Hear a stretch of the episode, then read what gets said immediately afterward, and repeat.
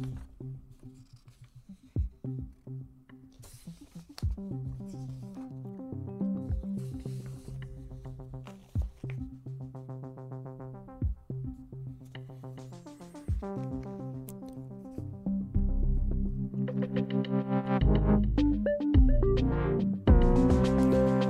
Kan du huske den sag fra Bornholm, hvor to brødre tog ud i en skov og begik vold mod øh, en, øh, de kendte, så meget, at han døde, og de blev dømt for drab og fik 14 år i, i, i fængsel hver.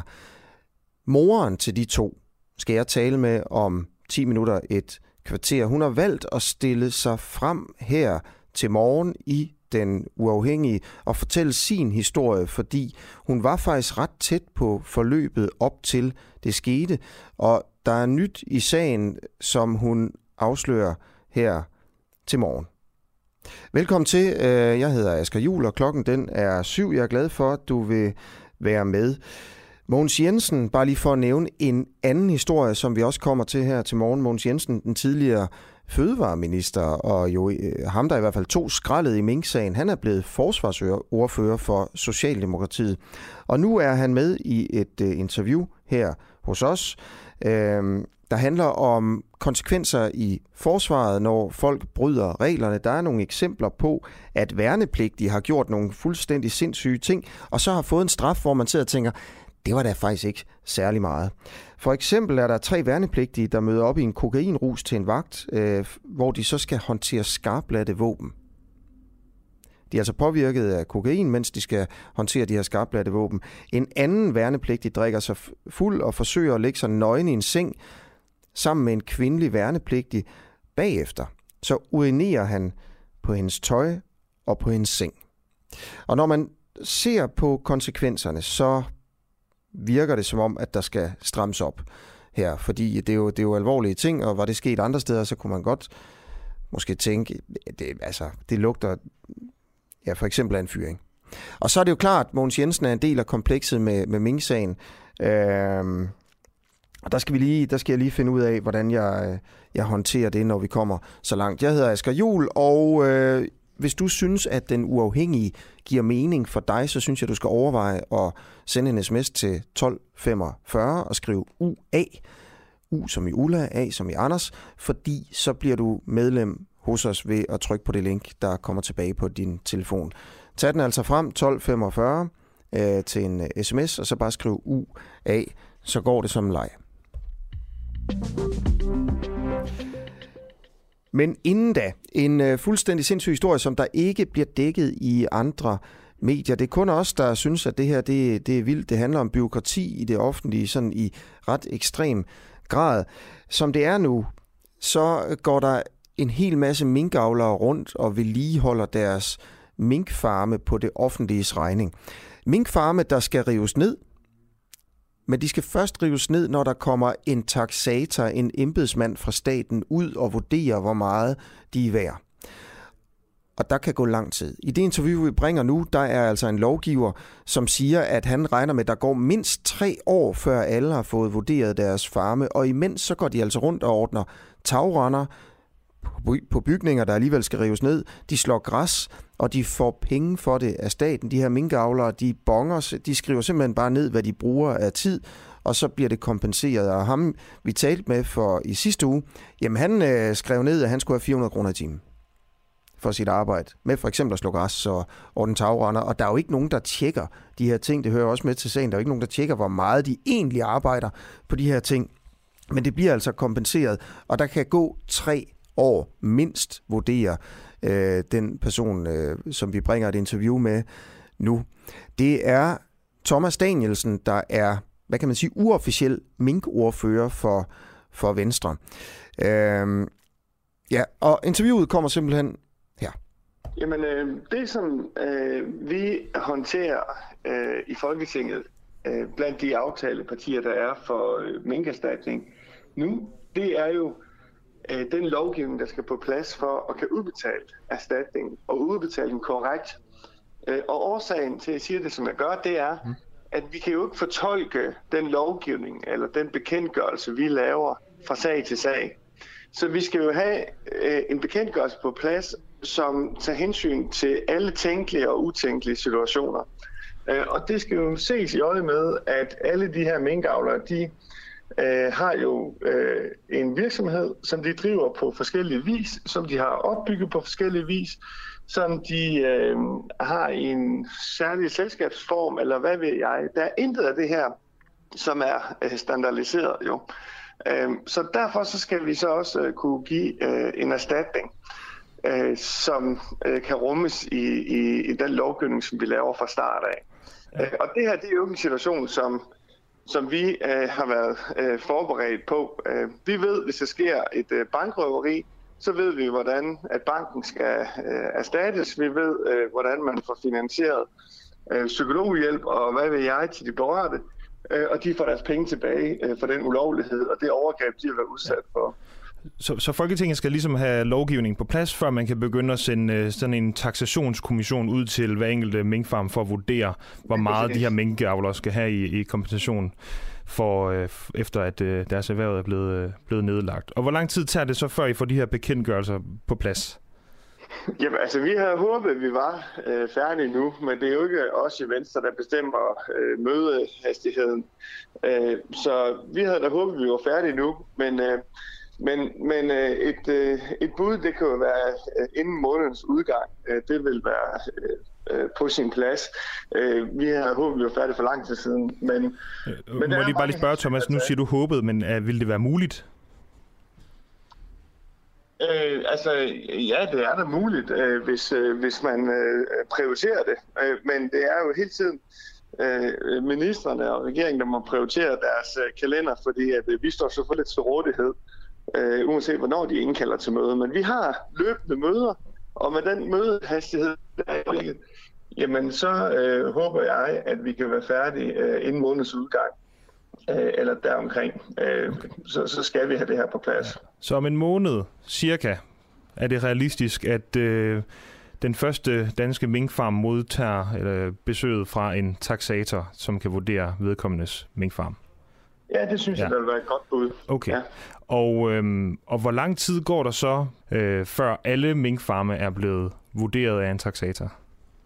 Jamen, øh, regeringen har jo lovet, at øh, det vil tage øh, øh, op til tre år. Øh, og når jeg siger lovet, så er det jo ikke, fordi det er et succeskriterie, men at det skal tage tre år. Men, øh, men vi frygter, at det kan komme til at tage længere tid. Øh, men men øh, vi vil i hvert fald holde regeringen op på, at det ikke skal tage mere end tre år. Øh, Øh, og hvordan øh, det skal prioriteres, det er jo noget, der foregår i ministeriet. Øh, de sørger for alt den praktiske udførsel af, af det her med ministeren som den øverste ansvarlige. Og vi siger så, at øh, vi vil have det foretaget inden for tre år. Og det lyder af lang tid, men det er jo ufattelig mange øh, familier, der er en minkfarm, som skal ud og have den vurderet. Og, og den skal vurderes på en vis, som øh, altså ifølge grundloven skal man jo have fuld og hel erstatning. Så der skal jo vurderes fuldstændig ligesom hvis, hvis virksomheden skulle sælges. Øh, og, og de er som sagt meget individuelle. Og derfor så skal der ske en individuel vurdering af hver enkelt øh, virksomhed. Ja. Øh, og i nogle tilfælde de følgeerhverv, der også er øh, knyttet op på virksomheden. Mm. Og, så det er meget komplekst. Og, og grund til, at vi også tager den her historie op, det er jo fordi, at øh, imens man går og venter på, at lovgivningen er på plads, og mens, mens man venter på, at taxationskommissionen kommer ud til de her minkfarme for at vurdere dem, så, øh, så de her minkavlere, de går jo og vedligeholder deres øh, minkfarme. De går og slår græs, og de går og tømmer tagrender, og hvad som helst, der ligesom, ligesom skal til for, at den her minkfarm, som de ejer, den ser ud, som den gjorde for et år siden. Øh, og det går de jo øh, og noterer ned i deres blog, deres notesblog. Nu har jeg slået græs i en time, nu har jeg tømt tagrender i to timer, osv. osv. Fordi det er jo også øh, et stykke arbejde, som skal kompenseres af, af staten. Ja. ja. Og så siger du så, at øh, regeringen har lovet op til øh, maks tre år skal der gå, før, før alle minkfarmene er blevet øh, vurderet. Har du nogen sådan Øh, eller har Folketinget nogen idé om, hvor meget det her vedligeholdelsesarbejde kommer til at koste, eller kan komme til at koste staten? Ja, det vil jeg tro, vi har, men øh, det kan jeg ikke lige ryste ud af ærmet på, på stående fod. Men, øh, men det er jo en del af, af de krigsskadeomkostninger, der er i forbindelse med øh, den ulovlige nedlukning, der nu engang er sket.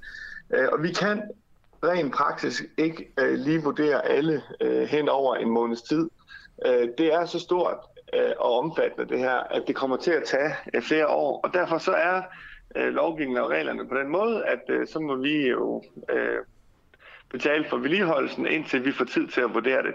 Så det skal selvfølgelig ikke øh, komme den enkelte minkavler til last, om han er, øh, bliver vurderet første, anden eller tredje år. Øh, øh, og, og derfor så bliver vi jo selvfølgelig nødt til at, at, at opretholde den samme vedligeholdelse, der er i dag. Altså, så bygningen har samme standard videre. Øh, selvom det desværre bare skrives ned mange gange. Hvorfor er det, man ikke øh, bare tager ud nu og, og vurderer de her minkfarme løbende, mens lovgivningen falder på plads? Jamen, øh, vi skal jo, øh, for det første så er det sådan helt lavpraktisk, så har vi ikke så mange mennesker, øh, som kan vurdere det her, at vi bare kan komme ud til de øh, øh, mange millioner minkbuer og gå dem igennem. Øh, det kan simpelthen ikke lade sig gøre rent lavpraktisk. Så, så, og det er også en omfattende tjek, fordi at øh, det svarer til, at man skal sælge sit øh, hus, øh, øh, parcelhus, øh, så er det her bare øh, langt mere kompliceret. Men øh, der er jo ikke nogen, der vil acceptere at sælge sit øh, parcelhus øh, bare lige sådan øh, øh, som et gennemsnit. Altså så, øh, så er det jo nogen, der bliver øh, behandlet øh, for godt, og nogle, der bliver behandlet for dårligt, og meget få, der øh, rammer prisen. Så det er jo en individuel vurdering, uanset om det er et simpelt parcelhus, man skal have øh, erstattet, eller om det er en kompleks virksomhed. Hvor, hvor lang tid tager det at, at lave sådan en inspektion af, af en enkelt minkfarm, vil du tro? Ja, det er øh, også øh, meget forskelligt. Der er jo nogle øh, øh, minkfarme, der er meget små, og så er der nogle minkfarme, der er meget store øh, og som er ejer sit eget pelseri øh, osv. Så, videre, så, så, så der er nogle virksomheder, som er meget komplekse og, og store, og så er der nogle, der er meget små og simple. Så, så det, det kan man heller ikke give klart. Ah, okay, men, men kan man sige, at øh, den mindste tager måske en dag at lave en inspektion på, og den største tager tre? Eller, Nej, det kan man ikke. Øh, og, og vi ved det faktisk heller ikke øh, endnu. Så, så det, må, det, må, det er noget af det, som tiden den må vise. Øh, så man kan godt komme med nogle estimater osv., men det vil ikke være øh, kvalificeret, øh, i hvert fald ikke fra min side Ikke? Det var altså Peter Marstal, der interviewede Thomas Danielsen fra Venstre her. Klokken er 12 minutter over syv. Øh, bare skriv ind øh, til mig her til morgen. Øh, du kan selvfølgelig skrive ind på de sædvanlige kanaler øh, Facebook, øh, hvor vi er live lige nu. Øh, du kan jo øvrigt høre os. Nu ved jeg ikke, hvor du lytter lige nu, men du kan jo høre os live på vores app, som er det bedste sted at lytte. Men du kan også lytte på DK4 DAB eller på, øh, på Facebook. Faktisk også, hvis du er i København, så kan du, hvis du har en FM-radio, lytte til os på 102,9 hver morgen. Øh, vi er også på podcast selvfølgelig hele dagen. Det, den kommer op, øh, podcasten lynhurtigt her. Så hvis du lytter øh, på podcast sådan øh, lidt op ad dagen nu her, så også øh, hej med dig, og måske bare gå eftermiddag. Øh, I eftermiddag, der sender den uafhængige også et eftermiddagsprogram. Det gør vi øh, hver dag øh, fra mandag til torsdag klokken 4.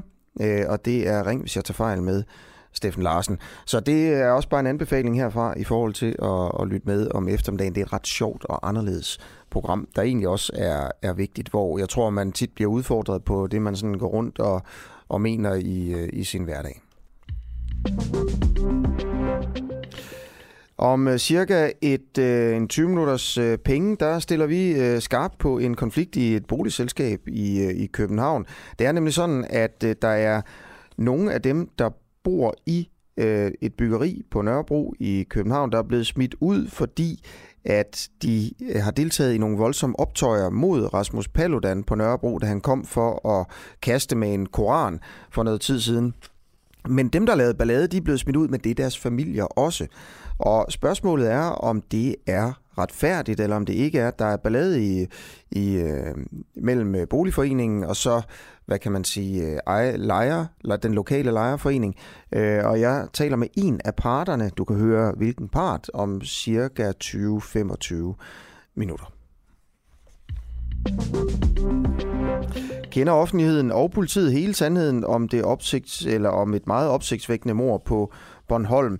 I morgen der starter appelsagen øh, i forbindelse med det her mor. To brødre er allerede i byretten blevet idømt 14 års fængsel hver for drab. Og samtlige dommer og nævninge, de har været enige i den her afsigelse. I offentligheden, der har det her drab fået meget opmærksomhed, øh, fordi blandt andet Black Lives Matter har argumenteret for, at det var racistisk motiveret. Og det er altså noget, som øh, selv New York Times har skrevet. Men det er også noget, som politiet ikke har kunne bevise, altså at der var et racistisk motiv.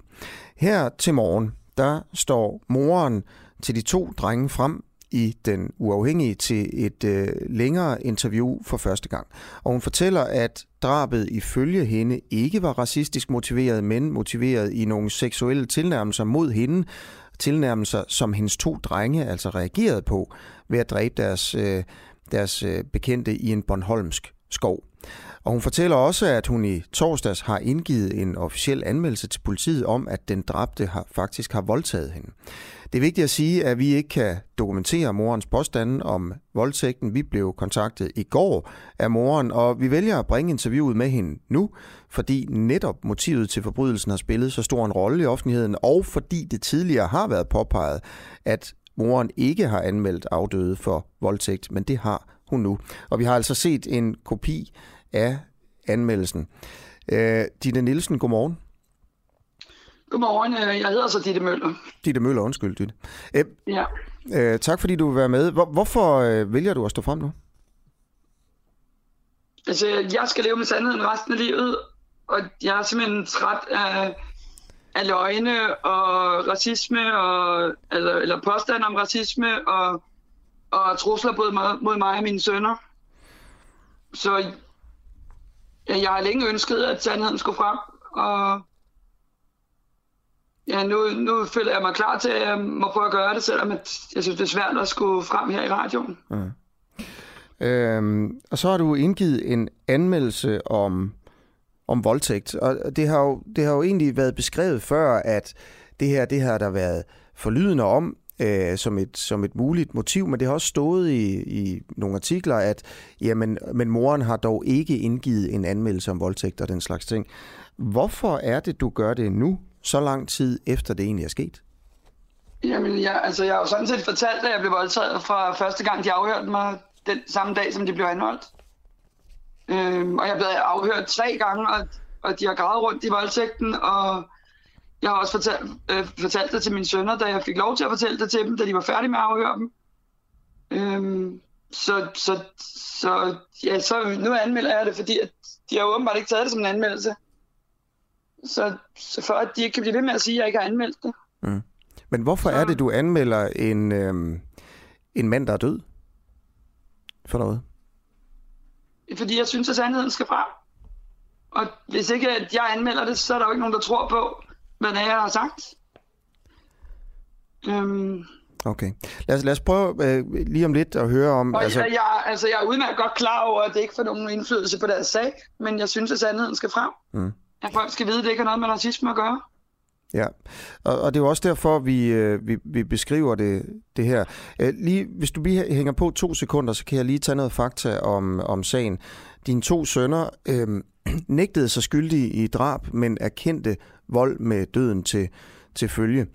De blev altså dømt for drab, og dommer og nævningen lagde vægt på, at, øh, at de to brødre over længere tid havde udsat øh, den dræbte for det, der hedder særdeles kraftfuld og mangeartet og brutal vold.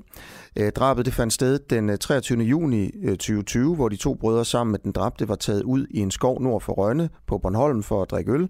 Det endte med, at brødrene overfaldt ham øh, blandt andet med grænrafter og en ilddrager. Blandt de her voldshandlinger var både angrebsforbrændinger, brækkede ben og fingre og begyndende hjerneskade og knivstik. Skaderne var så voldsomme, at retsmedicineren til stede i salen måtte erkende, at hun aldrig havde oplevet noget lignende. Og i rettens øh, kendelse står der, at samtlige nævninger og dommere lægger vægt på, at de tiltalte flere gange under voldsudøvelsen holdt pauser, når forurettede forekom bevidstløs. Og de genoptog voldsudøvelsen, når forurettede kom til bevidsthed, herunder når de tiltalte bragte ham til bevidsthed ved spark. Og retten lagde i kendelsen også vægt på, at volden mod, øh, mod afdøde var sket i forening over et tidsforløb på ikke under 15-20 minutter. I retten lagde samtlige dommer og nævninger også vægt på, at de to brødre havde efterladt øh, afdøde i en hjælpeløs tilstand, da de ud over de mange voldshandlinger også havde brændt hans telefon og sko. Øhm, inden retssagen, der havde flere debattører kritiseret anklagemyndigheden, altså politiet, for ikke at rejse tiltale for et racistisk motiv. Øh, og i retten der forklarede den ene af de to anklagere, hvorfor det dog endte med, at der ikke blev rejst tiltale for racisme, og hun siger i retten, at der har været mange spekulationer, men de kunne simpelthen ikke bevise, at der var et racistisk øh, motiv, og derfor havde de det ikke med. Øhm, selv har brødrene forklaret, at motivet skulle være, at den afdøde havde udsat deres mor for uønsket seksuel adfærd. Øh, og Bornholms politi har ikke modtaget nogen anmeldelse for voldtægt, har medierne jo skrevet indtil videre, men det er jo så det, vi fortæller, at øh, det ændrer sig, øh, det ændrer sig nu. Når jeg læser det her op, Ditte, hvad, hvad, hvad løber så gennem hovedet på dig? Jamen, af de der knivstik, altså der var tre små snitsår eller stik på hænderne. Øh, begyndende hjerneblødning, det ved jeg ikke, altså, hvordan det er sket, men der er mange ting, der bliver sagt i pressen, som overhovedet ikke er sket. Så pressen, de overdriver voldshandlingerne, og det er jo forfærdeligt, det min søn har gjort. Og det er forfærdeligt for afdødes familie, det der er sket. Altså det, jeg, jeg føler jo med hans familie, for det er forfærdeligt. Mm. Øhm. Ja, så... Og altså... Hvad, hvad mener du, at hvis vi snakker om motivet her, øh, hvad vil du sige, motivet er? Jamen altså, hvis jeg skal fortælle, hvad der skete, øh, hvor det, start, det hele startede halvanden måned før at det her skete, øh, så fik min, min, mine børn spurgt, om de måtte tage nogle venner med hjem og holde, holde fest herhjemme, og det gav jeg dem lov til. Øh, og jeg, jeg laver noget andet, og, og afdøde spørger, om jeg ikke vil ud og have en øl ud ved bålet, hvor de rykkede, ud, rykkede deres fest ud i vores have. Og på et tidspunkt går han ind og begynder at lave drinks til os, og han, øh, jeg, bliver, jeg bliver påvirket på en anden måde, end jeg normalt ville blive, så jeg føler mig meget øh, sådan påvirket. Og han danser rundt med mig, hvor, hvor det er ligesom om, at jeg slet ikke kan stå på benene. Øhm, og, og han prøver på at kysse mig, og min, øh, mine sønner bliver uvenner over, hvorvidt han er for tæt på mig, eller han ikke er. Og min ene søn siger, du er for tæt på min mor nu. Og min anden søn siger, han gør jo ikke mor noget. Og en ung pige i selskabet, hun synes, at de er så meget uvenner, så hun ringer efter politiet. Øhm, og da politiet kommer, der er de gået igennem huset og ud i et værelse, der i sidelængen, og min mellemste søn, som var bedste venner med ham, øh, forsvarer ham mod sin lillebror, og er sikker på, at lillebror er galt på den. Og, og politiet kommer med, med deres politihund, og afdøde råber til politiet, de skal se på deres hund ud i bilen, fordi der bor en hund, der ikke kan lide andre hunde. Og han råber til mig, der næsten ikke kan stå på benene, og jeg skal få min hund ind. Og min yngste søn går hen og siger til politiet til mig, mens så stopper den her konflikt. Og min yngste søn tager med politiet, og jeg går i seng, og min søn går i seng ude i sit værelse. Og afdøde havde fået lov at sove på sofaen i min stue. Og efter vi alle sammen er gået i seng, går han ind og voldtager mig. Øhm... Og, og, og jeg er sindssygt dårligt øh, dagen efter også, og imens han gør det, der, det hele sejler rundt, og jeg bliver ved med at sige, gider du godt lade være, gider du godt holde op, gider du godt lade være, gider du godt holde op. Jeg siger det mange gange, og han bliver bare ved. Øhm, og på et tidspunkt stopper han jo, øh, og i starten der føler jeg, at det må være min egen skyld. Og det er jo sidenhen blevet klar over, at det er aldrig ens egen skyld, hvis man bliver voldtaget. Og efterfølgende, så, så, så er han, altså når han er på øen, så er min, øh, min, øh, min mellemste søn og ham, de er jo bedste venner, så de er altid sammen. Så han kommer her igen og skal sove her igen. Og, og det første, øh, her var han voldtaget, det sker 9. maj. Og 10. og 13. maj, der sover han her igen. Og der går han ind i mit, jeg, han går ind i mit soveværelse, og jeg ved ikke, om han går efter mig, når jeg går i seng. Så han holder mig rundt om skuldrene og vil til at kysse mig. Og jeg siger, du skal gå ud nu. Jamen, det er ikke noget, jamen, du skal bare gå ud. Og de to gange får jeg ham stoppet, og vi har ikke drukket noget. Der er ikke sket noget der. Og jeg tænker ligesom, at øh, jeg tror, at han har fattet, at han skal lade mig være i fred nu. Og så kommer vi hen til 16. juni, og der kommer min søn hjem fra arbejde og siger, at han skal hjælpe afdøde med at flytte fra hans mor. Og jeg tænker, så sover han vel hos sin mor, når de lige har flyttet for hende. Så jeg tænker ikke, jeg behøver at sige noget. Og øh, de kommer så hjem kl. 3 om natten og åbner døren ind til stuen og spørger min hund, om hun skal med og ryge en smøg på terrassen. Og jeg til morgen går på at stå op og siger, I vækker mig faktisk. ej mor, det må du undskylde, man sover på sofaen, som man plejer. Og så siger jeg, det synes jeg faktisk ikke, han skal, men du kan vise ham til rette gæsteværelse med dyne og pude. Og så tænker jeg ligesom, at jeg ikke hænger ham ud til min søn, og jeg ligesom fortæller ham, at han skal lade mig være i fred.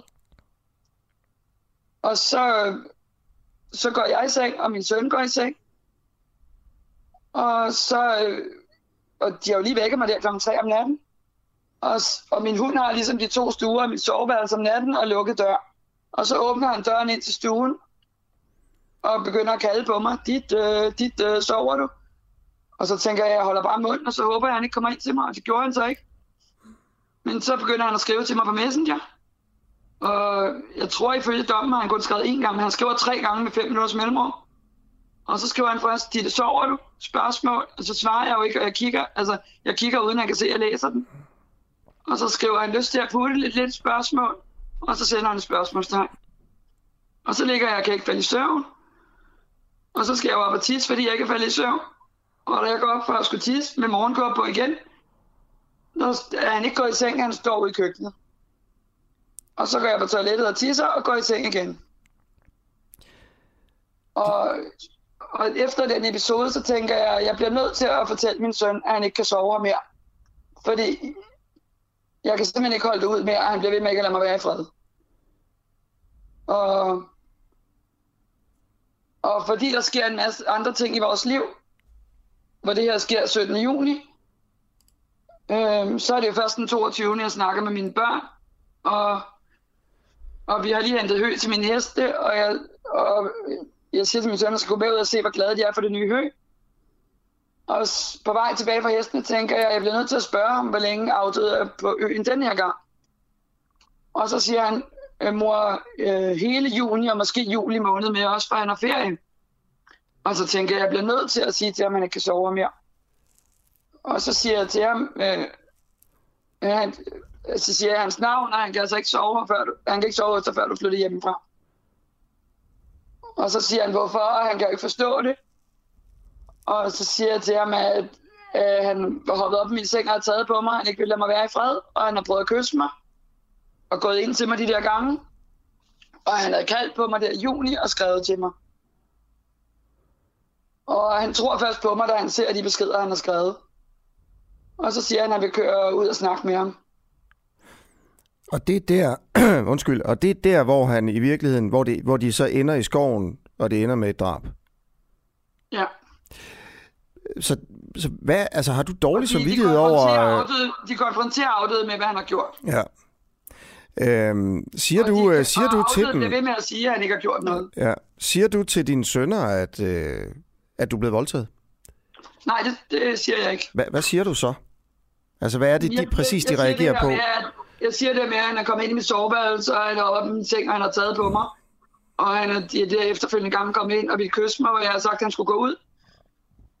Og at han har åbnet døren og kaldt på mig der i juni, og han har skrevet de beskeder til mig. Og jeg siger også til min søn, jeg synes, han skal slå koldt vand i blodet og vente til næste dag og blive hjemme. Og det, han vil ud og snakke med ham med det samme. Og jeg ringer også til min yngste søn, for han vil køre og tage ham med. Og siger det samme til min yngste søn, og at de skal lade være. Så hvad, er- hvad, er- okay, så du siger, at det er ikke voldtægt. Han har bare øh, lavet nogle seksuelle Han bliver ved med tilnærmelser. ikke at lade mig være i fred. Ja. Ja. Okay. Og det er det, de reagerer på, og det er jo faktisk på den baggrund, at, at de så at dræber ham.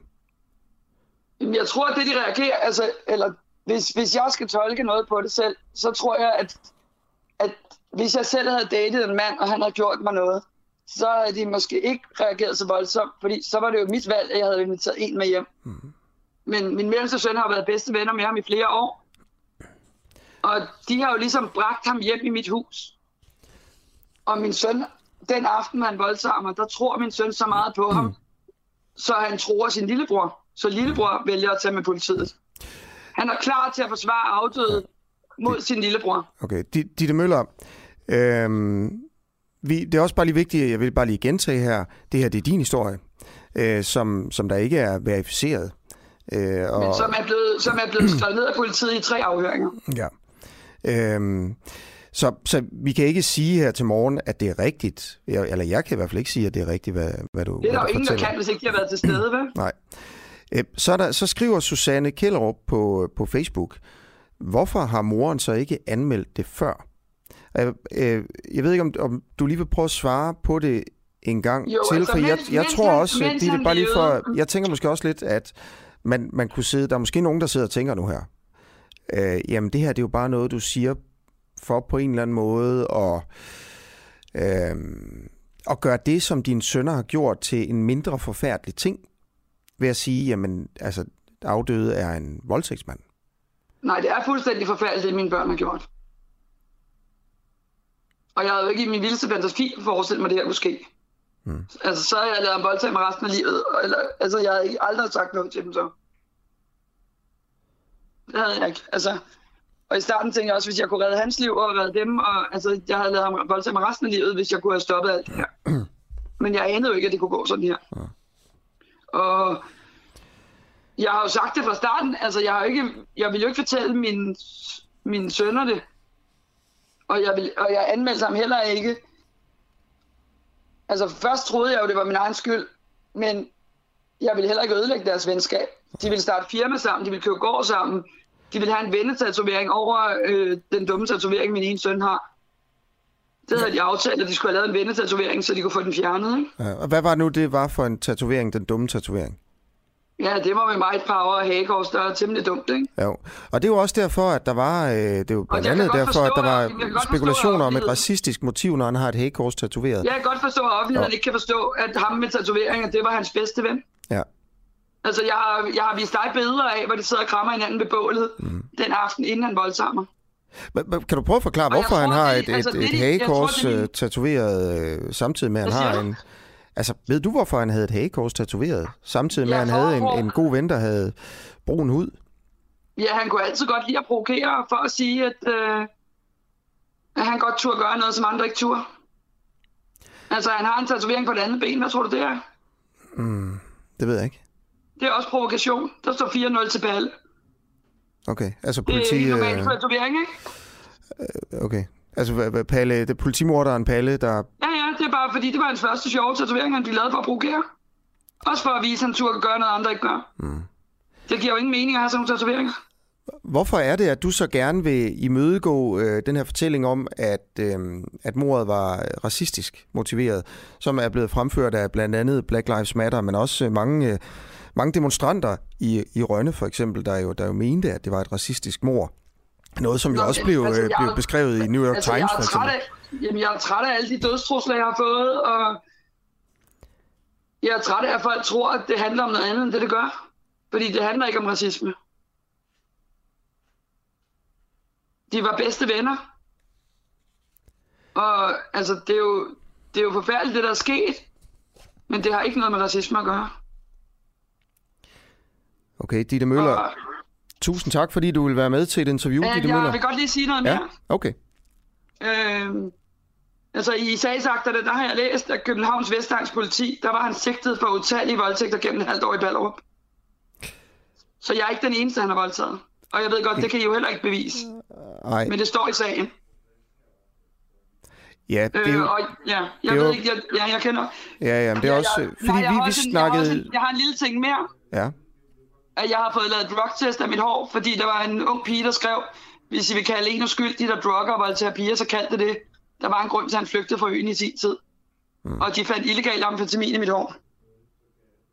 Så han har drugget både mig og andre, ikke? ja. Og det ved jeg godt, det kan jo heller ikke bevise. Nej, der jeg vil jeg også bare lige sige her, øh, Ditte Møller, fordi vi taler jo også om en, og jeg vil bare gerne lige sige det igen her, om en mand, der er blevet dræbt af, af dine børn, ja. Ja. som nu bliver anklaget efter han er, og vi har jo ikke kunne forelægge noget her øh, jo øh, for, for, for at voldtage.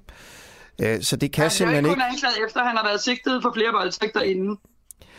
det kan vi heller ikke bekræfte det vi overhovedet her. ikke noget om, Det, det er ikke noget, jeg kan bekræfte her, øh, Nå. Ditte, Ditte, vel? Det ved Så- jeg.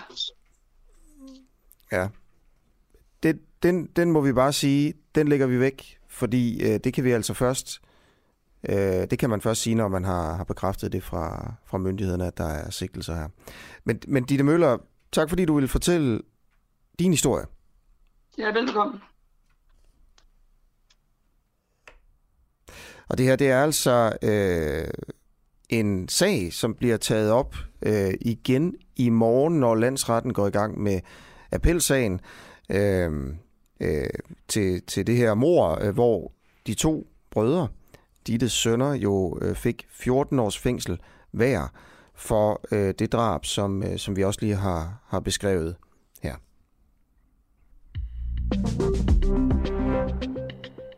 Og klokken er 4 minutter over halv 8. Du lytter til en øh, uafhængig morgen.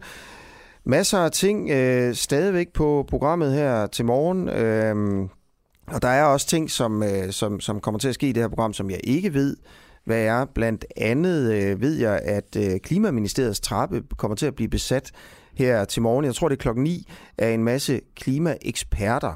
Og øh, vi prøver at få nogle af de her klimaeksperter på for at finde ud af, hvorfor de vil besætte trappen foran Klimaministeriet lige præcis i dag klokken 9, og hvad de er utilfredse med, fordi der, de er utilfredse med, med et eller andet. Mit gæt er øh, faktisk, jeg ved det ikke helt, det er bare noget, jeg så her lige inden jeg gik i studiet, at de mener øh, nok ikke, at øh, regeringen gør nok øh, i kampen for, for klimaet. Men det er i hvert fald noget, vi, vi prøver at få til at, få til at ske. Og så øh, vender jeg mig lige så stille om her lige i to sekunder. Sådan der. Hej Jonas. Hej. Vi skal lige have tændt for din mikrofon. Yes. Hej. Vil du gå lidt tættere på, så du lige er sådan cirka 5 cm fra? Er det bedre? Ja, det er bedre, ja. Øh, vi skal snakke øh, om nu her, om det er forsvarligt, at psykologistuderende uden autorisation tilbyder billig psykologhjælp. Ja. Øh, psykologistuderende øh, tilbyder nemlig samtale terapi til SU-venlige priser gennem et firma, der hedder Avilius. Øh, det er noget, der er kommet frem i, i DR. Øh, mange unge de mistrives, og i stedet for at betale over 1000 kroner øh, i timen for en uddannet psykolog, så kan man få det billigere. En time for 299 kroner. Men er det i orden? Øh, er øh, de studerende, de psykologistuderende, i stand til at håndtere øh, sårbare mennesker og vurdere, og vurdere, om de for eksempel har diagnoser? Øh, gør de ondt øh, værre? Øh, noget, behandler de noget, som kræver professionel behandling? Det er jo øh, noget, som Dansk Psykologforening advarer hmm. mod her. Øh, og du er altså CEO, øh, chef, direktør Ja. i det her firma. Øh, kan du være sikker på, at ingen af jeres klienter har en egentlig diagnose, som, som krævede professionel behandling? Nej, altså der er altid en, en risiko, øh, når man arbejder med mennesker. Øh, og det er også dem, vi prøver at tage højde for, ved ligesom at skabe nogle rammer rundt om vores arbejde, som vi synes er ansvarlige, og som vi kan stå inden for, i forhold til den gruppe af unge, vi henvender os til. Vil du prøve at beskrive, hvad det er, I gør? Ja, altså helt kort, så drejer alt, hvad Vilius laver sig, øh, eller laver sig om forebyggelsen. Så det vil sige, det vi forsøger at adressere, det er de mere sådan almenmenneskelige fænomener, inden det almenmenneskelige udvikler sig til det patologiske. Altså før, at tristheden bliver til en reel depression, eller før, at ængsteligheden bliver til reel angst. Øh, så det vi, det vi egentlig prøver at gøre, er at tilbyde et sted, hvor unge kan komme hen, og få nogen at snakke med om det, der fylder i deres liv. Helt kort, ja. Ja. Øhm, formanden for Dansk Psykologforening, Eva Sikker Mathisen, hun siger til os, øh, øh, at det måske kan være svært at vurdere, om der er brug for professionel behandling. Ikke? For, for nogen, der ikke har en uddannelse. Ja, altså jeg, jeg synes, der er noget lidt ironisk ved, ved hele den her debat, fordi som sagt, vi er kandidatstuderende, ikke? og havde vi måske ventet et år eller et halvt, afhængig af, hvor man lige er henne øh, for den enkelte medarbejder i Avilius, og var blevet psykolog, og havde overskriften været, psykologer tilbyder forebyggende samtaler til unge, så har der slet ikke været den her debat. Problemet er bare, at uddannelsen i sig selv ikke kvalificerer os øh, til i praksis at vurdere mm. det, Eva Sikker efterspørger. Altså den her kompleksitet, diagnostiske kompleksitet. Ja. Øhm, og, altså, behandler I decideret angst, for eksempel? Nej, det sender vi videre. Det sender I videre. Øhm, Vi behandler slet ikke. nej, okay, men, men, så I, men hvad gør I så? Altså, for de skriver også på hjemmesiden, at I på en eller anden måde har at gøre med mennesker, der oplever angst. Ja, altså det, og det er også fordi, at, at øh, det ved vi jo, skal jeg til sige, fra Kirkegaard, at angsten er jo også et grundvilkår i menneskelivet. Vi kan have angst for mange ting, og angsten ligger også på et spektrum, hvor nogle gange så bliver angsten så voldsom, at det bliver en for stor øh, funktionsnedsættelse i vores liv. Øh, og der, derfra skal man selvfølgelig have noget mere professionel hjælp, men angsten er også bare noget, vi alle sammen har inde på livet, øh, i mange forskellige former. Mm. Okay. Øhm, kan du udelukke, at jeres behandling har afholdt en klient fra at få hjælp hos en autoriseret øh, psykolog? Og altså på den måde har gjort ondt værre? Fordi, man, fordi I er der ikke er gået videre til en rigtig psykolog, men, men kun har, altså, har fået samtaler hos jer?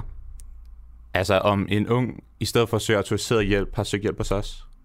Er det det, du Ja, spørger om helt ja. konkret?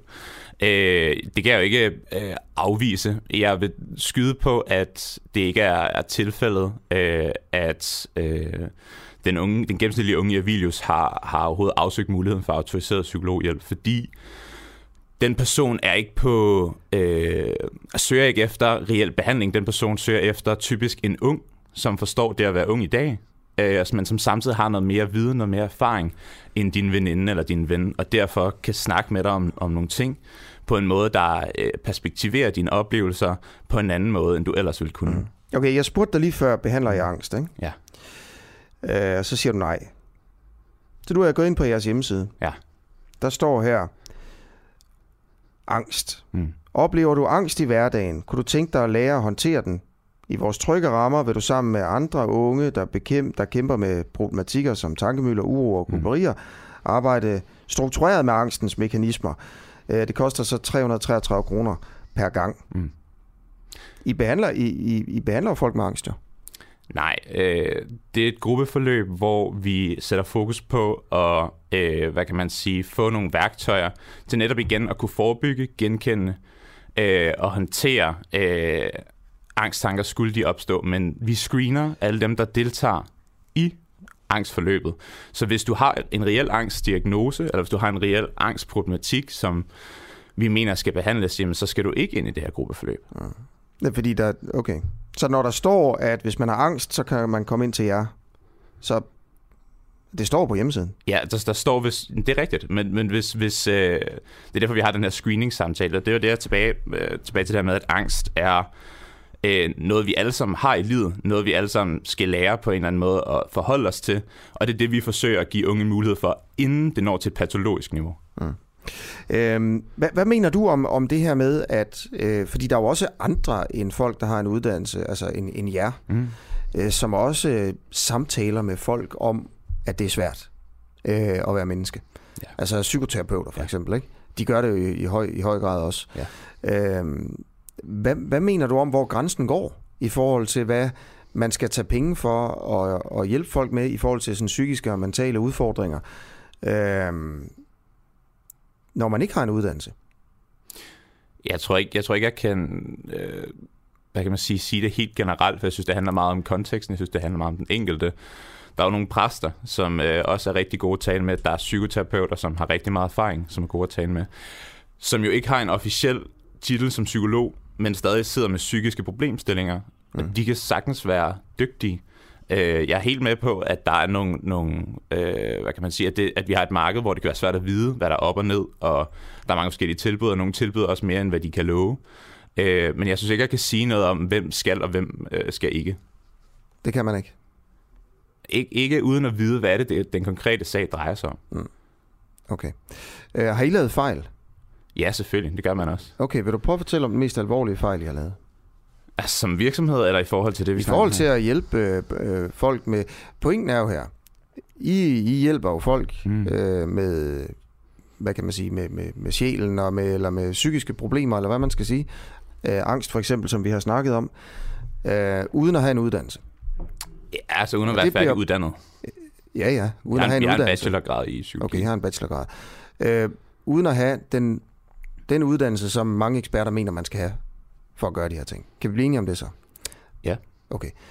Og så, hvilke, hvad er den største fejl, I har begået i forhold til behandlingen?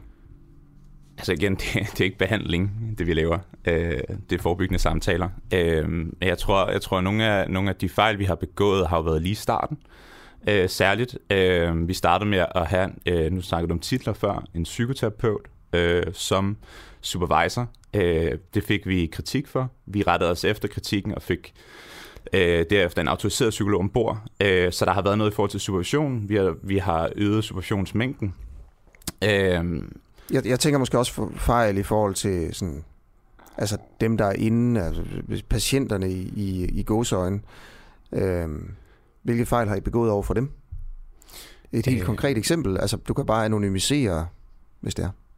Jamen, altså man kan sige, øh, det vi sidder og laver er jo hele tiden en... en øh, det er, jo en, det, er jo en, det er jo en interaktion, det er en udveksling mellem mennesker. Der, der sker jo små relationelle fejl hele tiden. Jeg, øh, vi har ikke lavet nogen altså, alvorlige fejl. Øh, vi har, vi har, øh, altså, der, der, kan være, der kan være en mavefornemmelse, der har været lidt forkert, men så har man taget det op til supervision for eksempel, og så har man, man fundet ud af, hvad skal vi herfra.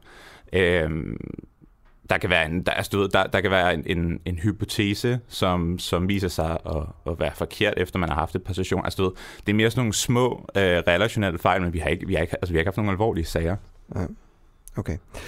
Tusind tak, fordi øh, du vil øh, komme ind Ja. her til morgen og fortælle om, øh, om arbejdet og også forholde dig til, til kritikken. Selv tak. Klokken er kvart i otte. Du lytter til en, øh, en uafhængig morgen. Jeg hedder Asger Juhl. Øh, bare lige sige, du kan blande dig selvfølgelig og skrive ind til mig. Det er der flere, der har, der har gjort. Øh, skriv ind på sms øh, 1245. Skriv øh, DUA, mellemrum, D-U-A-H, og så mellemrum og så din besked. Eller øh, skriv til mig på, øh, på Facebook, hvor vi altid er live.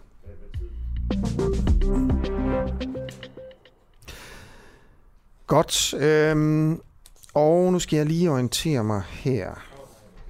Øh, tre, jeg trykker lige den her på. To sekunder. Du lytter lige nu til en uafhængig morgen. Kritisk, nysgerrig og levende radio, som politikerne ikke kan lukke. Vi sender live alle hverdage fra klokken 7 til 9. Lyt med via vores app på DK4 DAB, fra vores Facebook-side, eller hvis du bor i hovedstadsområdet på FM-båndet 102,9. Tak til dig, som gør det muligt. Lige om lidt skal vi høre meget mere om en tilsyneladende fredelig muslimsk organisation, som angiveligt har trådet til flere forskellige terrorsager.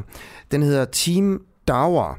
Og lige præcis, hvordan Team Dawar er forbundet med islamisk stat, og øh, hvordan Team Dawa her i Danmark egentlig har et sådan meget stille og roligt og, og venligt øh, ansigt, det skal vi høre om fra en ekspert, øh, der hedder Thor Hamming, lige om 10 minutter.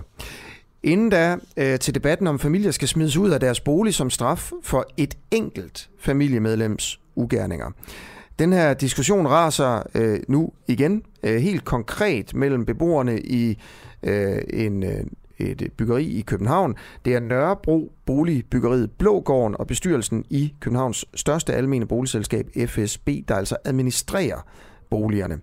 FSB's øverste ledelse vil nemlig smide fire personer på gaden, fordi et medlem i hver familie øh, blev dømt for at øh, for at have deltaget i voldsomme optøjer på, på Nørrebro, da Rasmus Paludan kom på besøg i området og kastede med en koran. Man vil altså smide fire familier på gaden. Jeg ved ikke, om jeg sagde personer, men det er fire familier på gaden, fordi der var et medlem i hver familie, der gjorde noget. Beboerforeningen i Blågården er uenig i den beslutning. Øh, foreningen mener ikke, at familierne skal straffes for deres børns ugerninger. Sagen her har været dækket intenst, og den kan skabe ny præcedens og være afgørende for, hvordan den her slags sager bliver håndteret i fremtiden. Der er nyt i det, fortæller vi her til morgen. Vi fortæller, at beboerforeningen øh, nu erklærer mistillid til FSB's øverste ledelse med det formål at få ledelsen afsat og udskiftet. Det er noget, som øh, medlemmer af beboerforeningen Erik Storrud i går fortalte til, øh, til journalist her på Den Uafhængige Peter Marstal. Storrud mener, at øh, FSB bryder med beboerdemokratiet og bruger bøllemetoder til at få familierne på gaden, øh, efter det var blevet vedtaget, at familien faktisk skulle have lov til at blive, og han mener ikke, man skal straffe en hel familie for den enkelte øh, persons ugerninger.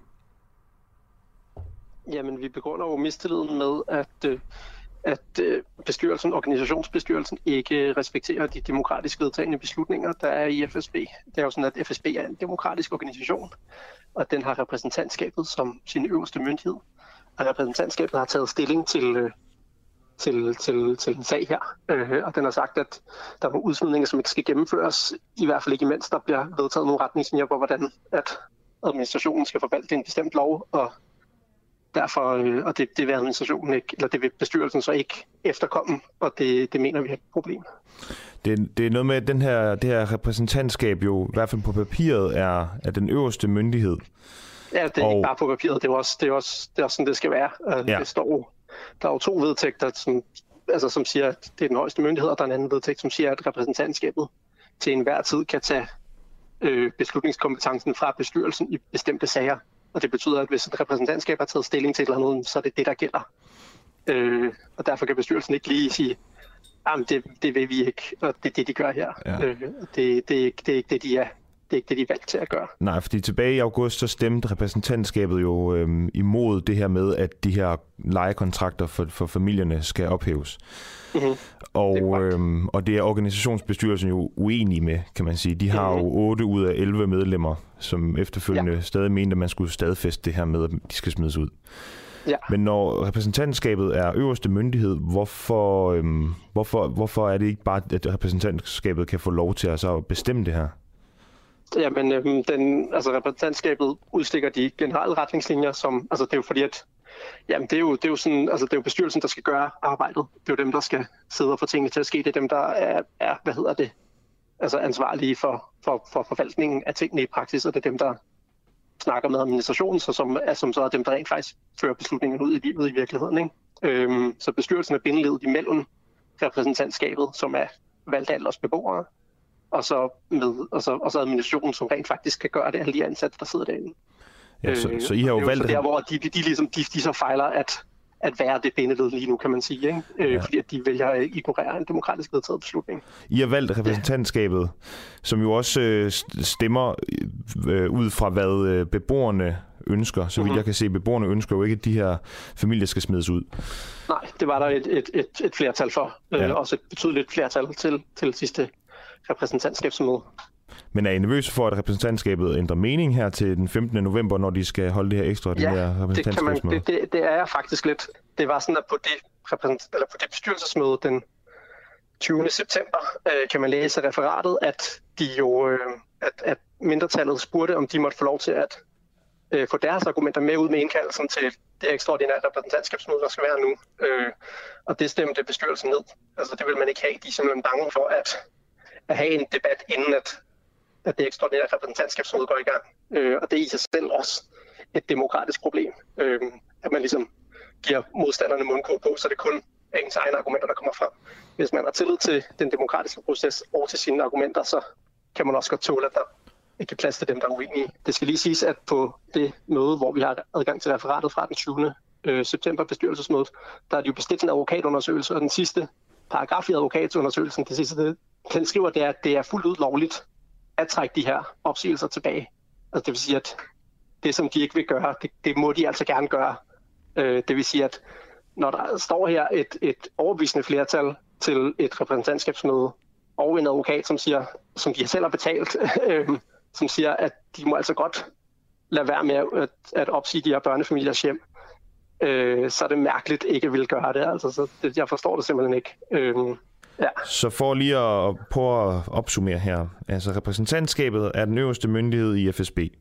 Uh-huh. Tilbage i august så stemte de i, øh, imod, at, øh, at lejekontrakterne på de her familier skulle øh, ophæves. Ja. ja. Så øh, medførte det, at organisationsbestyrelsen her, de har 11 medlemmer. Tre af dem øh, lyttede til repræsentantskabet og, og synes, at øh, nu havde de også den holdning. Ja. Det medfører så, at man så vil lave det her ekstraordinære øh, repræsentantskabsmøde. Hvor, at, ja, hvor de vil have annulleret den tidligere beslutning. Det vil sige, at man siger simpelthen, øh, det kan da ikke rigtig være rigtigt, at de mente det her, I mente sidst. Øh, og så vil man have det stemt igennem igen på et nyt møde. Ja. Øh, ja. Og det er så her, at der er en vis nervøsitet for, at repræsentantskabet øh, op til den 15. november faktisk bliver måske øh, overbevist, eller... Jeg er ikke, jeg er ikke, jeg er ikke nervøs. Øh, ikke, ikke rigtigt, altså. Okay. Øh, det er jeg ikke. Jeg er, mere, jeg er mere nervøs for konflikten, altså for at den optrapper. Altså jeg ville ønske, at det kunne det kunne, det kunne løses der. Ikke? Og det er så at de her tre medlemmer af organisationsbestyrelsen, som øh, holder med repræsentantskabets afstemning der i august. Det er dem, der har fået mundkur på. De har øh, fået mundkur på. Ja. Det står i referatet. Ja, det står i referatet. De må ikke udtale sig om det her. De må ikke. De skal udtale sig. Hvis de skal udtale sig, skal de udtale sig realt over for øh, FSB, som de så tolker som dem selv. Ikke? Øh, de skriver i samme referat, at den administrerende direktør godt modtager sig til pressen. Så, så det bliver sådan, der, der, nu bliver det meget mudret, ikke? fordi man kan jo antage, at han ligesom går ind for at gennemføre de her udsmidninger her. Ikke? Så der, den administrerende der, direktør for FSB? Ja, administrationens direktør, det vil sige den, den, den, den der er ansat til at igen at gøre, hvad bestyrelsen og repræsentantskabet siger. Han må godt udtale sig til pressen. Ja. Og, og, og det, der så man, man kunne være nervøs for, det var, at de var ude at påvirke debatten om det her spørgsmål, fordi ja, at dem, der er imod, øh, ikke må udtale sig. Ja, og fordi at den, det, de breve, der bliver sendt ud lige nu, er jo til øh, alle repræsentanterne. Får lige nu en indkaldelse, hvor at til det ekstraordinære repræsentantskabsmøde, hvor der kun står bestyrelsesflertallets holdninger. De vil ikke lade mindretallet komme til ord. Om to timer og fem minutter, der øh, er der en øh, gruppe danske og svenske forskere, der vil blokere gaden foran øh, Klimaministeriet i København. Øh, og så vil de altså stå der og blokere og holde videnskabelige oplæg om klimarelaterede emner på trappen foran ministeriet. Øh, de er uenige i den måde, klimakrisen bliver håndteret på. Øh, de her forskere og eksperter mener slet ikke, at regeringen gør nok. Og det er så heldigt, at øh, en af dem har sagt ja, faktisk lige her for 5-10 minutter siden, til at være med her til morgen. Og jeg skal altså interviewe Laura Horn om 55 minutter. Hun er lektor i politisk økonomi på RUK. Hun skal være med til at blokere gaden foran en Klimaministeriet. Så er hun også medlem af Scientist Rebellion, som er en øh, bevægelse eller organisation, der samarbejder med det, der hedder Extinction Rebellion, som har lavet en masse øh, events, øh, tiltag rundt omkring i verden, hvor man har forstyrret trafikken, for eksempel i London og Berlin, øh, på sådan ret, øh, vil nogen i hvert fald mene, ekstreme måder. Øh, og argumentet er altså fra de her folk, at øh, der skal sådan lidt ekstreme tiltag til, øh, fordi at øh, problemerne er så ekstreme. Så er der også øh, andre nyheder her til morgen. Øh, fem personer er blevet anholdt i forbindelse med øh, fodboldkampen mellem FCK og Brøndby i går. Flere er blevet bidt af politihunder, og jeg tror faktisk, at det var sådan lidt ekstraordinært vildt, det der skete i går i Brøndby. Før og efter fodboldkampen, øh, der var der store problemer med at holde fansene i ro, og det kulminerede efter kampen, da en politimand af hensyn til sin egen sikkerhed måtte trække en tjenestepistol. Øh, vi prøver, ligesom vi også gjorde med den anden nyhed, jeg lige nævnte lige før, øh, ved den her nyhed at få en af nøglepersonerne med i radioen. Det er jo det, vi altid gør, når der er de her store nyheder, øh, eller når der i det hele taget bare er øh, interessante ting. Når vi sender, den dag vi sender, ja, så ringer vi til folk for at prøve at få dem med. Så derfor så har vi, jeg tror faktisk lige nu, at Peter er i gang med at ringe til, til, til politiet på Københavns Vestegn, for lige at høre, hvad der egentlig skete. Vi vil rigtig gerne snakke med en betjent, der var der. En tredje historie, jeg vil nævne, øh, er fra udlandet. Colombia har været ude at sige, at landets øh, most wanted narkohandler bliver udleveret til USA, efter han blev fanget i en razzia. Det er Dario Antonio Usuga. Øh, han øh, er også kendt som Otoniel. Han blev fanget efter en indsats fra den kolumbianske hær og luftvåben og politi i lørdags. Man kan gå ind på på nettet øh, og, og se billeder af, hvordan, øh, hvordan han ser ud. 500 soldater var med i den her operation, 22 helikopter, og der var altså også en politimand, der, der, blev, der blev dræbt. Den her mand øh, var leder af Colombias største kriminelle bande og har været på øh, USA's øh, Most Wanted liste i årvis. Der var en, øh, en pris på hans hoved, øh, fra de amerikanske myndigheder faktisk på 30 millioner kroner. Han er anklaget for at importere minimum 73 tons kokain ind i USA mellem 2003 og 2014. Øh, og man sammenligner øh, den her tilfangetagelse med tilfangetagelsen af Pablo Escobar i 90'erne. Så vi er altså ude i en kæmpe narkohaj og en øh, kæmpe sag, og vi prøver selv sagt også at få en kilde på den her sag i løbet af morgenen. Det var, øh, synes jeg, de, øh, de tre nyheder, som, øh, som, som på en eller anden måde var værd at, at fortælle her til morgen. Det er jo sådan, at øh, der ikke altid sker sådan helt sindssygt meget, og derfor så vælger vi simpelthen i modsætning til, til andre radiostationer, hvor man jo siger, at vi skal have fem minutters nyheder hver dag. Så vælger vi at bare sige, at vi, vi tager den tid, det skal, det skal tage. Og hvis det skal tage to minutter, så tager det to minutter. Hvis det tager 10 minutter med, med dagens nyheder, så tager det 10 minutter. Eller hvis det tager to timer, så er det to timer. Det tager. Hvad har en tilsyneladende fredelig muslimsk organisation med terror at gøre? Team Dawa er noget, der udadtil ligner et fredeligt muslimsk fællesskab, som arrangerer hytteture og fællesspisning. Ekstrabladet afslører nu, at en række nye terrorsager trækker tråde til netop Team Dawa, og at organisationen faktisk sympatiserer med islamisk stat. De to ansigter i Team Dawa skal vi tale om nu. Thor Hamming, du er forsker i jihadisme og med til at lave Ekstrabladets øh, podcast Homegrown. Øh, jeg får lige at vide, at Thor Hamming er på lidt senere. Jeg tror faktisk, jeg måske... Jeg skal snakke med Laura Horn nu? Aha. Okay, dejligt. Laura Horn, godmorgen. Ja, hej. Godmorgen. Hej, godmorgen, Laura. Nå, okay, undskyld, jeg troede ikke lige, det var dig, jeg skulle snakke med nu. Men øh, så ved man så, der kommer en historie om, øh, om islamistisk terror lige om lidt. Men det, jeg skal snakke med dig om, det er jo...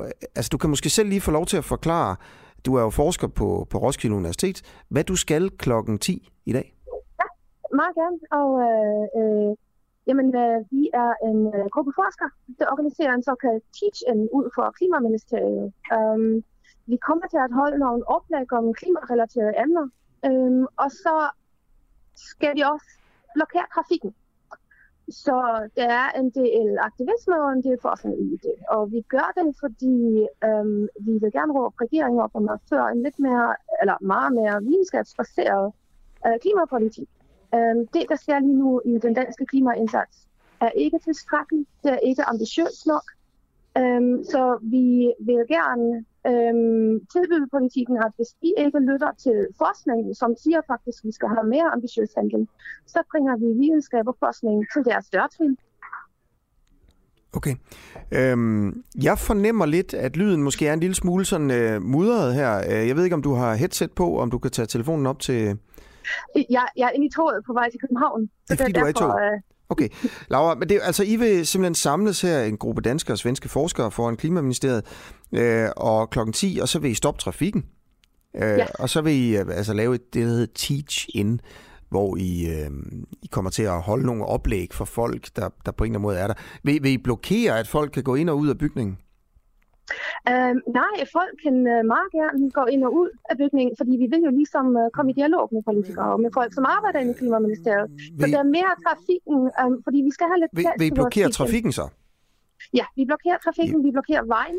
I blokerer vejen. der, er nogle, der er nogle aktivister for uh, Extinction Rebellion med, så um, alle er velkommen til at komme forbi. Vi har nogle ståle, vi står der, og vi vil meget gerne komme i dialog. Så det er det, at, det, er, det, er det en teaching indeholder, at man men ligesom samles og taler med hinanden og blive klogere på ting. Ja, hvad hvis man ikke har lyst til at være i dialog, men bare har lyst til at køre, køre videre? Så må man lige øh, få sin hverdag lidt afbrudt. Ja. Øh, afbrudt. Lidt, øh, det, jeg kan godt forstå, at det er pisse irriterende. Det er mandag morgen efter efterårsferie, og folk skal bare, folk har travlt. Mm. Men det er jo altså lige det, hvor vi siger, hey, hør nu her, prøv lige at tænke på din hverdag, hvordan det ser ud nu og hvor meget forstyrrelse, og hvor, meget, hvor anderledes den bliver, når vi så ikke er ambitiøse nok, ambitiøse nok i vores klimahandling. Fordi det er sådan, det kommer til at være, hvis vi ikke reducerer vores uh, udledninger, hvis um, hele uh, global opvarmning fortsætter, så kommer det også uh, forstyrre vores hverdag her i Danmark. Og det prøver vi at gøre folk og politikere bevidst om lige nu. Og hvor lang tid vil I blokere øh, trafikken, så folk ikke kan komme på arbejde? Vores øh, aktion var fra omkring kl. 10 til kl. 12.13. Vi har 10 taler, som kommer til at holde nogle meget korte oplæg, og okay. folk kan selvfølgelig også bare køre udenom. Så det er ikke sådan, det er ikke sådan at vi blokerer hele København. Det er kun en lille, lille, lille del uden for Klimaministeriet. Ja, øhm, og øh, har I fået lov til det af politiet? Vi har informeret politiet om det her. Øhm, det er civil ulydighed, så ja, det er et lovbrud. Det er vi bevidst over. Øh, det accepterer vi. Øh, det er ikke noget voldeligt, og det er i grund og bund er det en gruppe forskere, som har noget til at fortælle, og vi står der, vi er alle sammen super søde, og vi vil meget gerne komme i kontakt med folk, så I er alle sammen meget velkommen. Ja, så, det, så du, du, siger, du siger også, at det er et lovbrud. Uh, du er jo øh, lektor i politisk økonomi på Roskilde Universitet, ja. uh, ansat af det offentlige og, og sådan nogle ting. Hvad siger, hvad siger din chef til, at du går ud og bevidst, det ved vi jo nu, fordi klokken er 8, og det her det starter klokken 10, så klokken 10 bevidst bryder loven? Ja, vi har alle sammen, de som er med i organisatorgruppen, vi har alle sammen, øhm, øh, vi, vi tog en bevidst valg til at lave den her aktion. Øhm, min chef, øh, jeg er faktisk, jeg er på overlov lige nu, så der er ikke nogen problemer der, fordi det er faktisk min fritid, jeg bruger til at lave den her aktion. Øhm, så det er ikke noget med, at jeg er offentlig ansat, og jeg bruger øh, skattebetalt tid til at lave den her aktion. Ja. Okay, på overlov, øh, forældreoverlov, eller? Det er, ja, det er forældreoverlov. Mm. Øhm, men der er andre hvad, øh, lektorer, professorer og den slags ting fra de danske universiteter, som er med? Ja, det er øh, en gruppe fra, jeg tror vi er fra fire fem forskellige institutter, øh, øh, øh, universiteter i, øh, i København og i Skåneområdet. Og folk er selvfølgelig, fordi det er, det er også noget, man skal sige, vi har også øh, øh, et øh, formål som forskere, at vi vil gerne lave formidling på vores viden. Så der er en del forskere, som faktisk ser det her som en normal del af vores arbejde. Mm. Og der er også forskere, som ikke kommer til at stå på gaden. Så det er ikke alle forskere, som er med i den aktivistiske del. Mm. Det skal man også lige, øh, lige sige. Mm. Okay. Så er du er med i det, der hedder Scientist Rebellion. Øh, ja. Det har jeg ikke hørt om før. Hvad er det? Det er også en meget ny gruppe her i Danmark. Um, det er noget, som kommer nok mest fra, fra England, um, som, er, uh, som, som, som er en gruppe forskere, som siger, hey, hvad er vores ansvar som forskere? Er det kun at publicere ting og skrive ting og at være klog på universiteter og undervise vores studerende og måske formidle lidt i aviser og i offentlige debatter? Eller skal de ikke, er det ikke slemt nok nu, at nu er det forskere, der skal være på gaden, og forskere, som laver aktionen. Fordi vi, vi ved, hvor slemt ting er lige nu. Mm. Så det har meget at gøre med, med etik og med forståelse af vores egen rolle ja, i samfundet. Hvor mange er med i Scientist at i Danmark? Hvor mange danskere er med? Danske forskere og universitetsansatte er med i Scientist Rebellion? Lige er vores gruppe, vi er, hvor mange er vi? 10-15 stykker. Mm. Øhm, så det er, organisatorgruppe er ikke så stor lige nu. Har I, øhm, har I planlagt flere ulovlige øh, events? Lige nu skal vi koncentrere på den her, fordi det er... Det kan men, men har I planlagt meget, andre, er, andre er, ulovlige er meget, events? Det er meget grænseoverskridende det her. Forskere ja. plejer jo at være, vi, vi kan godt lide regler, og vi har vores egne systemer, mm. selvfølgelig i universitetsverdenen, så at, at vi føler os nødt nødt at, at gøre det her. Mm. Det Men, er, det har, er, har I planlagt andre, øh, øh, andre øh, hvad hedder sådan noget, events? Umiddelbart skal vi koncentrere os på den her dag, og så ser vi, hvad der sker, og så ser vi, hvad reaktioner Men har I planlagt er. andre? Umiddelbart, umiddelbart skal jeg først faktisk komme igen det her dag, ja, ja, det er men... meget grænseoverskridende. Ja, okay. Men, men har I planlagt andre? Så øhm, det kræver også en masse energi og arbejde, og vi er som forskere i forvejen meget presset. Ja. Så jeg tænker, øhm, det der spørgsmål, det er et godt spørgsmål. Jeg kan godt forstå, hvorfor du stiller spørgsmålet. Men umiddelbart skal jeg virkelig først koncentrere mig på den her dag, ja. og se, hvad der sker, fordi vi ved ikke, hvordan politiet reagerer. Vi ved ikke, men hvordan, hvordan, hvordan skal jeg forstå det svar? Er det sådan, skal jeg forstå det på den måde, at I ikke har planlagt andre ting, øh, eller at du bare ikke vil svare på spørgsmålet? Eller? Øh, lige, lige nu kan jeg ikke svare på spørgsmålet, fordi vi skal først... Det, det hænger jo meget af, hvordan reaktionen er. Det hænger meget af, hvordan øh, vi som individuer har det her med, med vores arbejde inde i gruppen. Så... Øhm, så jeg tænker, vi tager det, vi tager det en dag ad gangen, vi tager det en aktion ad gangen. Så skal jeg forstå det på den måde, at I har planlagt noget, men I er også villige til ikke at gøre det. Nu skal I lige se, hvordan I, I reagerer på det, og hvordan det er at gøre det øh, med det første her. Og hvis det så er okay, så, så, begynder, så laver I de næste ting, I har planlagt. Øhm, nej, jeg tænker, nej. det er, måske, det er måske en interpretation af det, jeg lige sagde. Jeg sagde bare, lad mig lige komme igennem okay. den her dag, og så, og så ser vi bare videre. Nå, fordi jeg synes jo, det er interessant at, for at, at se, om det her er en, øh, en, en bevægelse. Også fordi uh, COP, uh, det, det store internationale møde mellem, uh, mellem verdenslederne i, i Skotland, uh, jo, jo nærmer sig, så kommer der mere fokus på, på klimaet, og så kunne det jo godt være, at I har lavet en masse uh, events her. Det vil du så ikke svare på, om I, om I har planlagt. Uh, uh, ja, også, det, nej, også fordi... Som, som, ja ja, som jeg sagde, jeg synes, det er et rigtig godt spørgsmål, fordi ja, ja. der er faktisk en hel masse aktioner, som bliver planlagt i Glasgow lige nu. Ja, ja. Og der kommer også en del forskere, som er aktivister. Der er selvfølgelig også meget forskere og, og, og, og videnskabsfolk, som er med til COP. Men der er en del aktioner, som bliver planlagt af forskere øhm, i Glasgow, og jeg synes, ja. det er meget vigtigt, og det øger synlighed. Men, men har I planlagt noget i Danmark? Har I planlagt noget i Danmark? Og nu kommer jeg lige ud af toget. Nu er jeg lige i København. jeg er meget nysgerrig på, ja. hvordan det går i København, og Nå. I er alle sammen velkommen til at komme forbi. Ja. Og så kan ja. vi måske snakke videre og se... Okay, det øh, sidste spørgsmål. Uh, det sidste spørgsmål. Er du med i Extinction Rebellion også?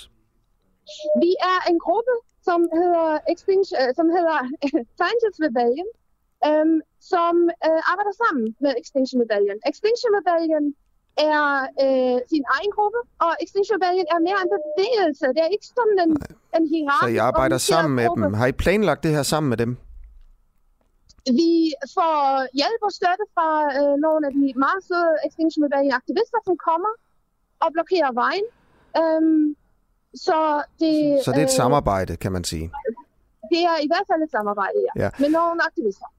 Men er du også med i Extinction Rebellion? Det er ikke sådan, at man bliver en card-carrying Extinction Rebellion. Det er ikke sådan, at man... Men, men er du medlem i Extinction? Er du, no. er du med i bevægelsen Extinction Rebellion så? Øhm, jeg, er, jeg er først og fremmest er jeg forsker.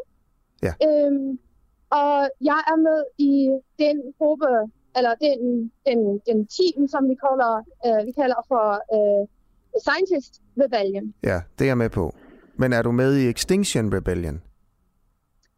Um, jeg, er, jeg er ikke aktivist i Extinction Rebellion. Jeg har faktisk været til nogle uh, arrangementer og nogle aktioner, som Extinction Rebellion har lavet som forsker, som taler. Ja. Okay.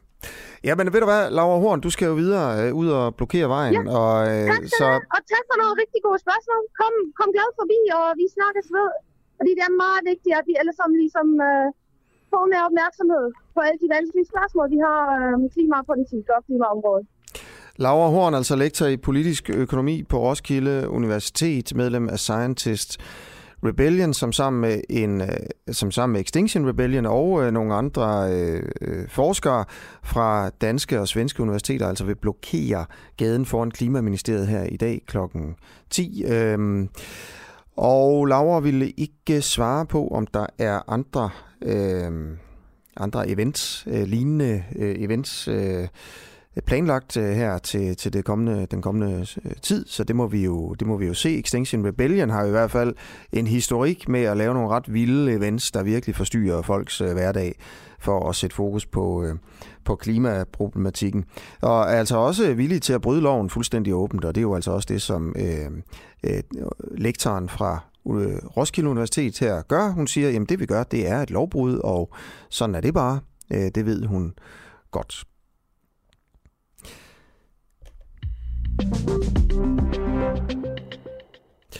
Ja, øh, klokken den er 12 minutter over 8. Du lytter til øh, en, øh, en uafhængig morgen. Øh, det, der er på tapetet her, her til morgen, det er faktisk, der er mere klima her om, øh, om noget tid. Øh, der skal jeg snakke med Teresa Scavenius, der er talsperson i Momentum. Øh, vi har besluttet os for at sætte lidt fokus på klimaet her i en øh, uafhængig morgen i den her uge, fordi at øh, Mette Frederiksen øh, og, og regeringen jo når de skal til COP, altså det store internationale møde i, i, i Glasgow, øh, kommer til at bade sig i ros fra hele verden. Øh, og der bliver sikkert interviews på CNN og, og alt muligt om, hvor dygtig Danmark er. Og, og Danmark er jo så dygtig, som, som Danmark er. Men vi vil alligevel gerne prøve at sætte fokus på, på der, hvor det halter med den danske klimapolitik. Både set fra den ene side og fra den anden side, og det gør vi altså også øh, her om cirka et, øh, et kvarter. Øh, når, når jeg snakker med en ekspert, og det kan jeg så afsløre, hvem øh, det er lidt senere. Først til en regel om, øh, om konsekvenser for værnepligtige, der bryder reglerne i det danske forsvar. Er de her konsekvenser egentlig for slappe i forhold til, hvad, øh, hvordan det burde være? Sidste år der mødte tre værnepligtige op i en kokainrus til en vagt, hvor de skulle håndtere skarpladte våben. Øh, på et andet tidspunkt var der en, der havde drukket sig fuld og prøvet at ligge sig nøgen i en seng med en kvindelig værnepligtig. Bagefter urinerede han på hendes tøj og på hendes seng. Alt det her, det står i en rapport fra den militære anklagemyndighed øh, fra sidste år. Spørgsmålet er, om det er for slappe regler, som, øh, som fordrer den her opførsel. Øh, og præcis, altså hvad har konsekvenserne været for for eksempel at ligge sig øh, fuld ned og øh, i nøgen i en, i en seng sammen med en kvindelig værnepligtig, og bagefter at tisse på hendes tøj og på hendes seng? Ja, hvad, hvad burde den rigtige øh, straf egentlig være? For sådan noget. Mogens Jensen, du er forsvarsordfører for Socialdemokratiet. Godmorgen. Godmorgen. Godmorgen. Øhm, jeg ved godt, hvad straffen er for de her ting. Jeg ved, kender du til de konkrete sager? Øh, nej, det, det gør jeg ikke. Øh, nu er jeg også forholdsvis øh, ny forsvarsordfører, så jeg ikke kunne nå at sætte mig ind i, eller har fulgt øh, sager, der har været i medierne specifikt mm. på, på det her område. Nej. Jamen men det er jo klart, den, øh, den Øh, type af adfærd, som, øh, som bliver beskrevet her, det er selvfølgelig uacceptabelt i, i, i forsvaret, og øh, det skal det være. Ja, det er klart. Men, men så spørgsmålet er, nu, nu laver jeg en lille leg med dig, øh, Mogens Jensen, det er, at jeg simpelthen ikke afslører over for dig, hvad straffen var. Øh, og så vil jeg simpelthen spørge dig, det her med for eksempel at drikke sig fuld og prøve at ligge sig nøgen i en seng med en kvindelig værnepligtig, og bagefter urinere på hendes tøj og på hendes seng. Øh, hvad burde den korrekte straf for det være, synes du? Jamen det kan jeg ikke, øh, det kan jeg ikke udtale mig om, og hvis du har givet mig eksemplerne på øh, forhånd, øh, så kan jeg selvfølgelig have undersøgt det, så jeg kunne bidrage på en ordentlig konstruktiv mm. øh, måde jo her i udsendelsen.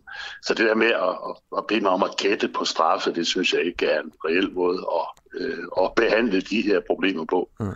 Jeg kan fortælle dig, øh, Bøden for at møde op med kokain i, øh, i blodet, det var 3.500 øh, kroner. Og for at lægge sig nøgen og, og tisse på en anden øh, værnepligtigs øh, tøj, ja, det var 2.000 kroner i, i bøde. Synes du ikke, så nogen burde blive smidt ud af, af, af det danske forsvar, når man gør sådan noget? Af, I stedet for at få bøder på henholdsvis 2.000 og 3.500? Jeg ved, der er øh, forskellige øh, sanktioner, og øh, den øh, sidste sanktion er jo selvfølgelig også, at folk øh, ryger ud af forsvaret. Det er også sket ved, ved indtagelse af øh, narko.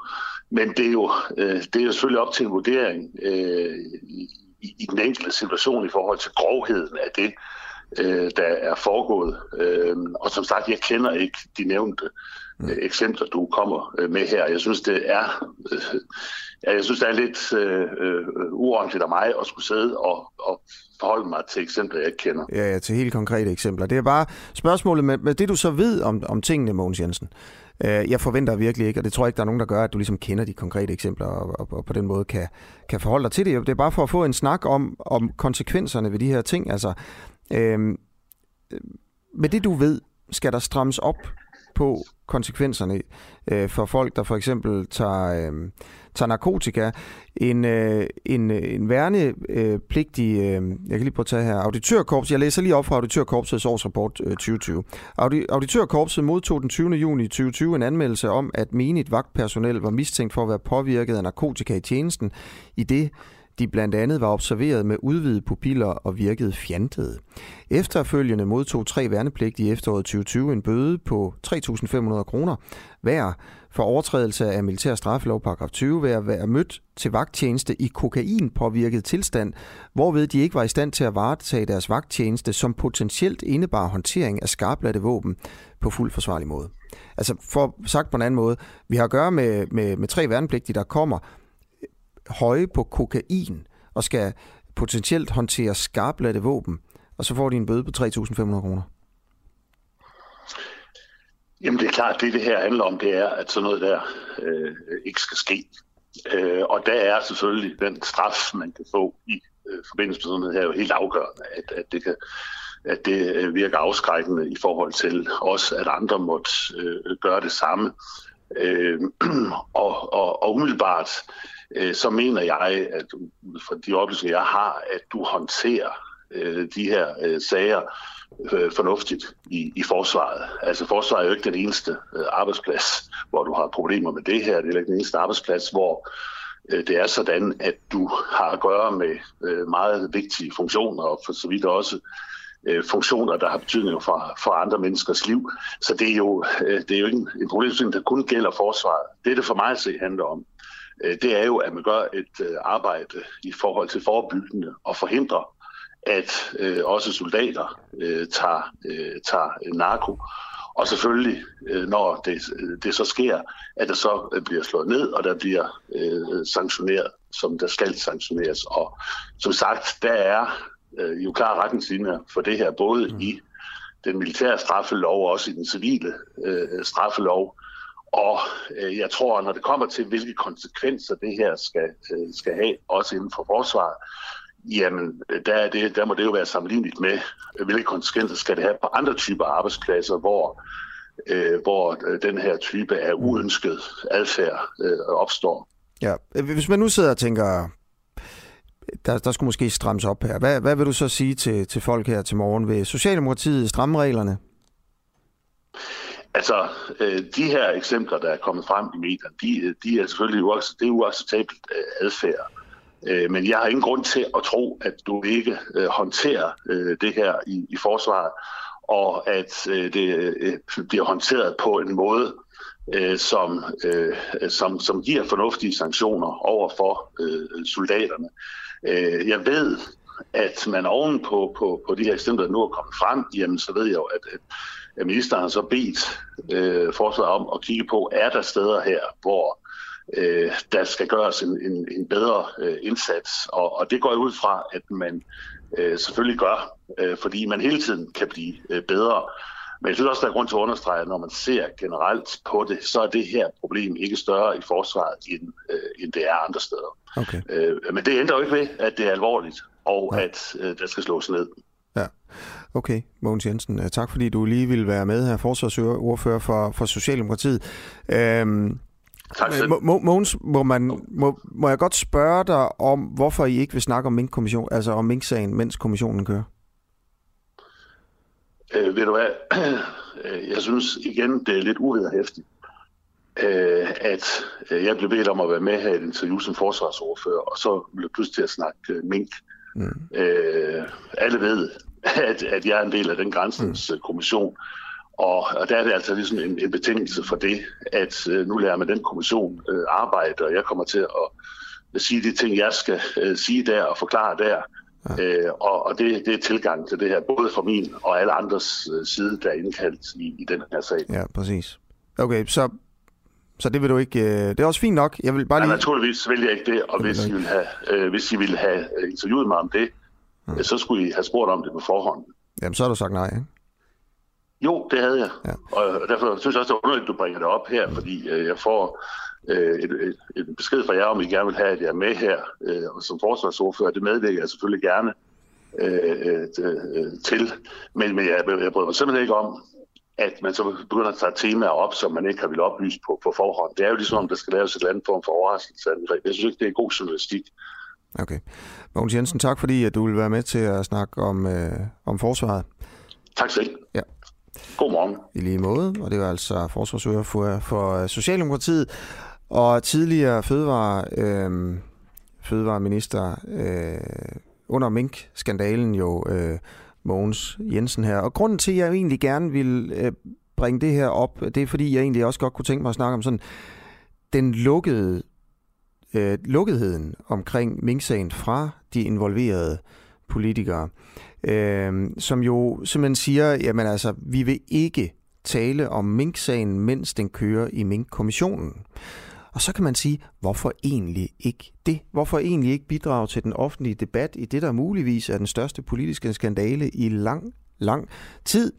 Øh, og der vil jeg bare lige bringe op her øh, og sige tak til BT, at øh, fordi BT har spurgt Mink-kommissionen, om, om Mink-kommissionen har noget imod, at for eksempel Rigspolitiet eller andre svarer på pressens spørgsmål. Og så siger Mink-kommissionen simpelthen sådan her, det er formand Michael Kistrup, der siger det her. Jeg kan oplyse, at Mink-kommissionen intet har imod, at Rigspolitiet svarer på spørgsmål for pressen, og at dette ikke skønnes at ville virke forstyrrende på Mink-kommissionens arbejde, forklarer han. Og her må man altså bare forstå, at Mink-kommissionen, Øh, i hvert fald så vidt øh, vi ved, øh, ikke har noget imod, at folk snakker om Mink-kommissionen, selvom de bliver afhørt i den. Men det er jo ellers det, vi hører fra, fra de forskellige involverede, at man ligesom bare har givet håndslag på, at det skal vi ikke. Det udtaler man sig ikke om, mens der bliver grænsket i kommissionen. Og så må man bare sige, hvorfor egentlig ikke det?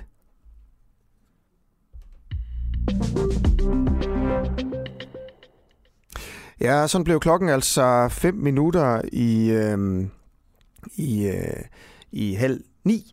Og øh, vi skal faktisk øh, lidt øh, til at beskæftige os lidt mere med, med klima.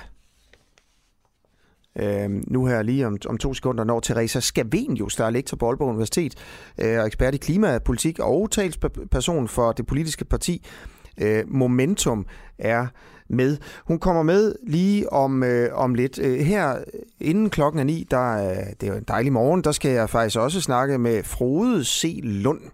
Og sagen med Frode er, at han er mand til Jurade C. Lund, som står til at blive hjemsendt.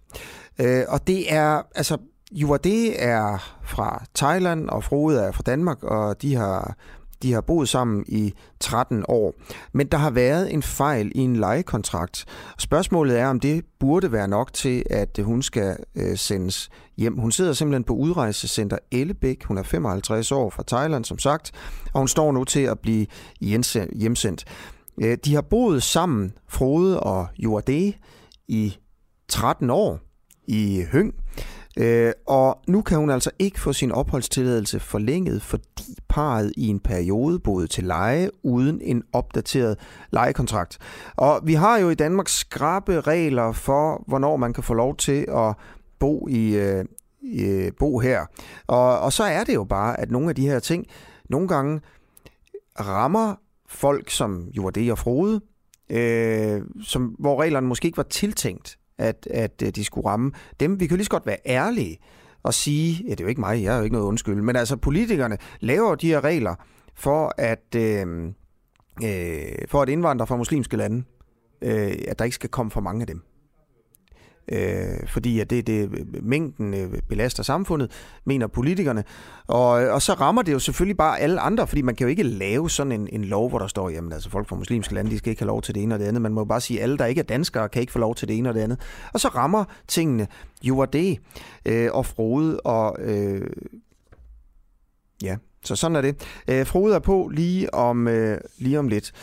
Teresa Scavenius, godmorgen. Godmorgen. Godmorgen, du er lektor på Aalborg Universitet, øh, og du er også talsperson i øh, Momentum. I den her uge, der rejser Mette Frederiksen og Dan Jørgensen til Glasgow for at deltage i FN's klimakonference COP26. Og øh, så sker der jo sikkert det, at øh, de både kommer i, F, i CNN og alt muligt andet, og det er jo, Danmark er jo på en eller anden måde en showcase for, hvor fantastisk man kan håndtere klimaudfordringerne. Øh, vi vil gerne tale med folk, der mener, øh, at Danmark Danmarks klimapolitik ikke er god nok, både på den ene måde og på den anden måde. Og derfor taler vi med dig her til morgen. Øh, hvis du skal kritisere den danske klimapolitik og Mette Frederiksen og Dan Jørgensen, øh, hvad vil du så sige?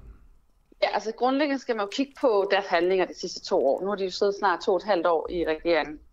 Og det, de har lavet, det er, at de har for eksempel lavet en stor øh, bilaftale, som handler om mere, flere biler og mere asfalt øh, men øh, ikke mindre, og det er så ikke klimapolitik. Så har de inden for landbrugsområdet fredet landbruget øh, og kødindustrien frem til 2030 mindst, øh, og snakker så om plantebøffer, men de udfaser ikke øh, øh, det, der ligesom er problemet i landbruget, og det er så øh, kødet. Så samlet set, når man bare kigger på de to aftaler, så kan vi sige, at øh, regeringen fører ikke klimapolitik i Danmark. Nej, okay. Det de gør, det er, at de laver øh, fremtidsvisioner. De er rigtig gode til at tale, de er rigtig gode til at forestille sig, hvordan man kunne leve. Øh, de ved sådan set alt, alt, alt det, man skal sige, det ved de godt. Men når man kigger på de fysiske aftaler, der er indgået, så er det ikke klimapolitik. Det er mere det samme. Flere biler, mere kød, og det kan man ikke definere som klimapolitik. Mm. Hvad helt konkret vil du gøre, hvis du blev øh, statsminister? Jamen, så er det jo det her med at forstå og fortælle til borgerne og sige, at det her det er en krise, som er så stor, at det kræver en ret stor omlægning af hele vores økonomi. Fordi vi har en fossil økonomi, som vi lynhurtigt inden for faktisk 5-10 år skal have omlagt til en grøn økonomi. Men det heldige er faktisk, at det er meget nemt, fordi at vi har alle de redskaber, der skal til, og vi ved, hvad det handler om. Så det handler om at sige, at kødindustrien skal lukkes. Vi skal ikke have al den øh, klimasvinende kød. Og så er det så i forhold til energiområdet, så er det primært at få sat en hel masse vedvarende energi op. Og det har vi jo sådan set haft planer for i rigtig mange år i Danmark, og vi er også gode til det. Men vi har, vi har sænket ambitionsniveauet alt for længe. Så det vi skal have gjort, det er, at vi skal simpelthen bare sætte mere vind og sol op. Og så er det, at vi grundlæggende kan få elektrificeret hele vores økonomi. Mm. Øh, og det er teknisk muligt. Det eneste, vi mangler, det er, at politikerne i de her politiske rum, øh, byrådet, og i øh, Christiansborg og så nede i Bruxelles øh, træffer de her beslutninger. Ja, øh, du er jo talsperson for Momentum, som er et politisk parti, hvis primære fokus er klimakrisen. I er ikke blevet opstillingsberettiget. Du har tidligere været med i både de radikale og i Alternativet, mm. hvor du også bejlede til, til formands, formandsposten. Yeah. Øhm, hvad det, du, du foreslår her, det, er jo, det lyder jo nemt, når du siger det lige sløjfe kødindustrien, og så op noget vind og noget sol øh, yes. så man kun har vedvarende energi. Hvad, hvad, sådan, hvad vil de negative konsekvenser være ved det? Men der er, jo, der er jo sådan set, at det, der er kun nogle negative konsekvenser for alle de mennesker, som har investeret rigtig meget i den nuværende økonomi. Så det er klart, der sidder nogle i olieindustri, som vil være kede af det, og nogle af dem, som lige har købt en dieselbil, de vil selvfølgelig også have det rigtig dårligt. Det, der er udfordringen, det er lige nu, det er, at politikerne ikke engang guider markedet i en retning, der er grøn nok. Fordi de fortæller ikke de borgere, der i dag skal ud og købe en dieselbil, de, at de har ikke fået at vide, det her det er en rigtig dårlig investering. Det er penge på gulvet. Lige nu investerer de i, at der ikke kommer til at ske nogle forandringer. Ja. Og, øh, og det... Øh, det ja. Med dieselbiler, lad os, lad os prøve at tage det. Dem, der for eksempel har en dieselbil ja. øh, nu her. Øh, øh, vil, synes du, at staten skulle kompensere dem, så de kunne få en anden bil, øh, når man udfaser... Øh, Altså, det er, selvfølgelig, det er selvfølgelig sindssygt vigtigt, at når man laver de her meget, meget store forandringer, så skal man selvfølgelig tænke sig rigtig grundigt om. Det, der bare er den bundne opgave, det er, at vi alle sammen skal forstå, at de skal være ude af de danske veje, og helst i hele verden inden for fem år. Ja, Hvordan man så gør, og der kan man så gøre bruge forskellige metoder. Man kan bruge forbuddet, man kunne ja. have haft brug, brugt markedet, hvis ja. man har gået i gang for 20 år siden. Problemet er men, men, i den situation, hvis vi nu siger om fem år, at alle benzin- og dieselbiler skal væk, Hvem skal betale jamen, for, at man kan få en anden bil at køre i? Jamen, skal man selv det, eller skal staten det? Jamen, det jeg gerne vil sige, det er, at problemet er, at vores værktøjskasse til at lave den her meget store forandring bliver mindre og mindre, ja. fordi at politikerne ikke har handlet de sidste 20 år, 30 år. Ja. Det vil sige, hvor man før kunne have sat markedet stille og roligt i gang til at forandre det, så havde, var der ikke nogen, der havde købt dieselbiler ja. i dag. Det har politikerne ikke gjort, og derfor bliver værktøjskassen mere og mere brutal. Og ja. derfor er det det her med, at så er det i morgenagtigt, at du ikke skal må køre din bil. Det gør man jo eksempel i Paris lige nu. Der siger man jo det her med, når man, øh, hvad hedder det, nu er det 30 km zoner.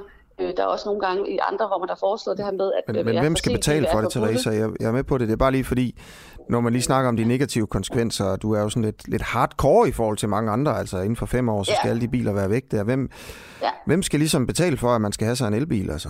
Skal man selv Jamen, det?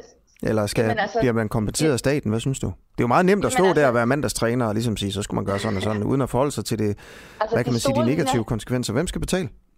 Jamen altså, det er det relevante spørgsmål lige. Det første relevante spørgsmål, det er, at vi skal forstå, hvordan vi strukturelt ændrer, hvis vi snakker transport, hele vores transportsektor. Mm. Og der handler det altså om, at vi har haft et politisk system, som har underinvesteret i det offentlige transport, sådan at folk færre har lyst til at tage det. Så den store linje i det er, at vi skal have investeret massivt i tog, øh, hvad hedder det, busser og delebiler.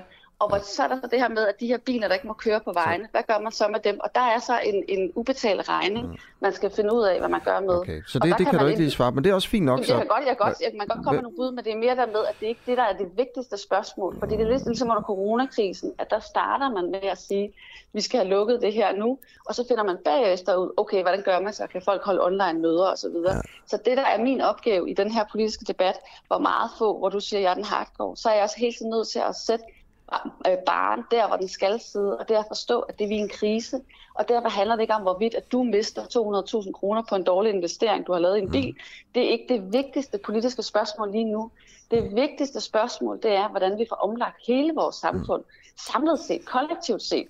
Og der er det helt klart, at der vil vi samlet set stå både økonomisk, miljømæssigt, sundhedsmæssigt og klimamæssigt bedre. Hvis, vil, hvor mange penge vil staten stå og mangle om fem år, hvis man øh, gør, som du siger, man laver vedvarende energi, øh, lægger alt om til vedvarende energi, øh, man sløjfer kødindustrien, der er både arbejdspladser og skatteindtægter der, alle bilerne skal væk, man, man tjener en masse penge på... Øh, på skatter og afgifter, når man sælger, mm. sælger biler jo, og mm. øh, også på, øh, når man sælger benzin, er der også afgifter på det, og så og, og der er ikke de samme afgifter overhovedet på, på, på for eksempel elbiler. Øh. Mm. Så, så hvor mange penge om fem år, hvis man gør alt det, du siger her, øh, vil staten stå og mangle i forhold til, hvad, hvad den ellers ville have haft? Altså, det, du, det er ked af at sige det, men du stiller et forkert spørgsmål. Det er jo sådan, at vores fossile men samfund det er fint nok, men nej, nej, nej, to sekunder. Sådan fungerer, jamen, sådan fungerer det her radioprogram simpelthen jamen, ikke. Altså, det er fint nok, du svarer ja. på det spørgsmål, du helst ville være ja. blevet spurgt om. Men men, men, fordi, men hvis du ikke... Nå, prøv lige, nej, nej, to sekunder. det er jo fordi, du laver Det skal du ikke bestemme. Nej, prøv lige at vente to sekunder. Så, så hvis du det ikke... gør du desværre. Ja, ja. Men, men det er fint nok, du gerne vil snakke om noget andet. Jeg skal bare lige først have at vide, om du kender tallet på de negative konsekvenser i forhold til statens økonomi, øh, hvis, man, hvis man indfører din politik. Jamen, og hvis du ikke har regnet to sekunder, og hvis du ikke har regnet på det, så er det fint nok. Så bare sig, det tal har jeg ikke, det har jeg ikke lige regnet på, og så må du bare, så må du egentlig godt svare Nå, men på jeg, det. Jeg ved godt, at der er registreringsafgifter, der er der masser af milliarder. Så hvor mange penge vil, hvor mange? Jeg ved ikke de konkrete tal i forhold til, hvor mange penge Nej. det, det er i forhold til bilerne. Så det har I ikke regnet øh, på simpelthen? Nej, det, det har Klimarådet. Der er masser af rapporter, der ligger om, kan man kan kigge på. Det er fordi, grunden til, at vi ikke fokuserer Nej, det er der ikke, fordi det, din politik er der jo ikke godt, nogen, der har regnet på andre end dig, altså. Ja, jeg ved godt, du gerne vil prøve at fange mig på et, et skævt ben, men det, der er pointen her, det er bare, hvis vi regner samfundsøkonomisk. Det er, fordi du, det er ligesom det, der siger det her, hvis du har nogle børn, og så siger du ligesom, at de øh, gør noget med den ene hånd, men du forstår ikke, at de med den anden hånd gør de noget, der er syv gange så stort.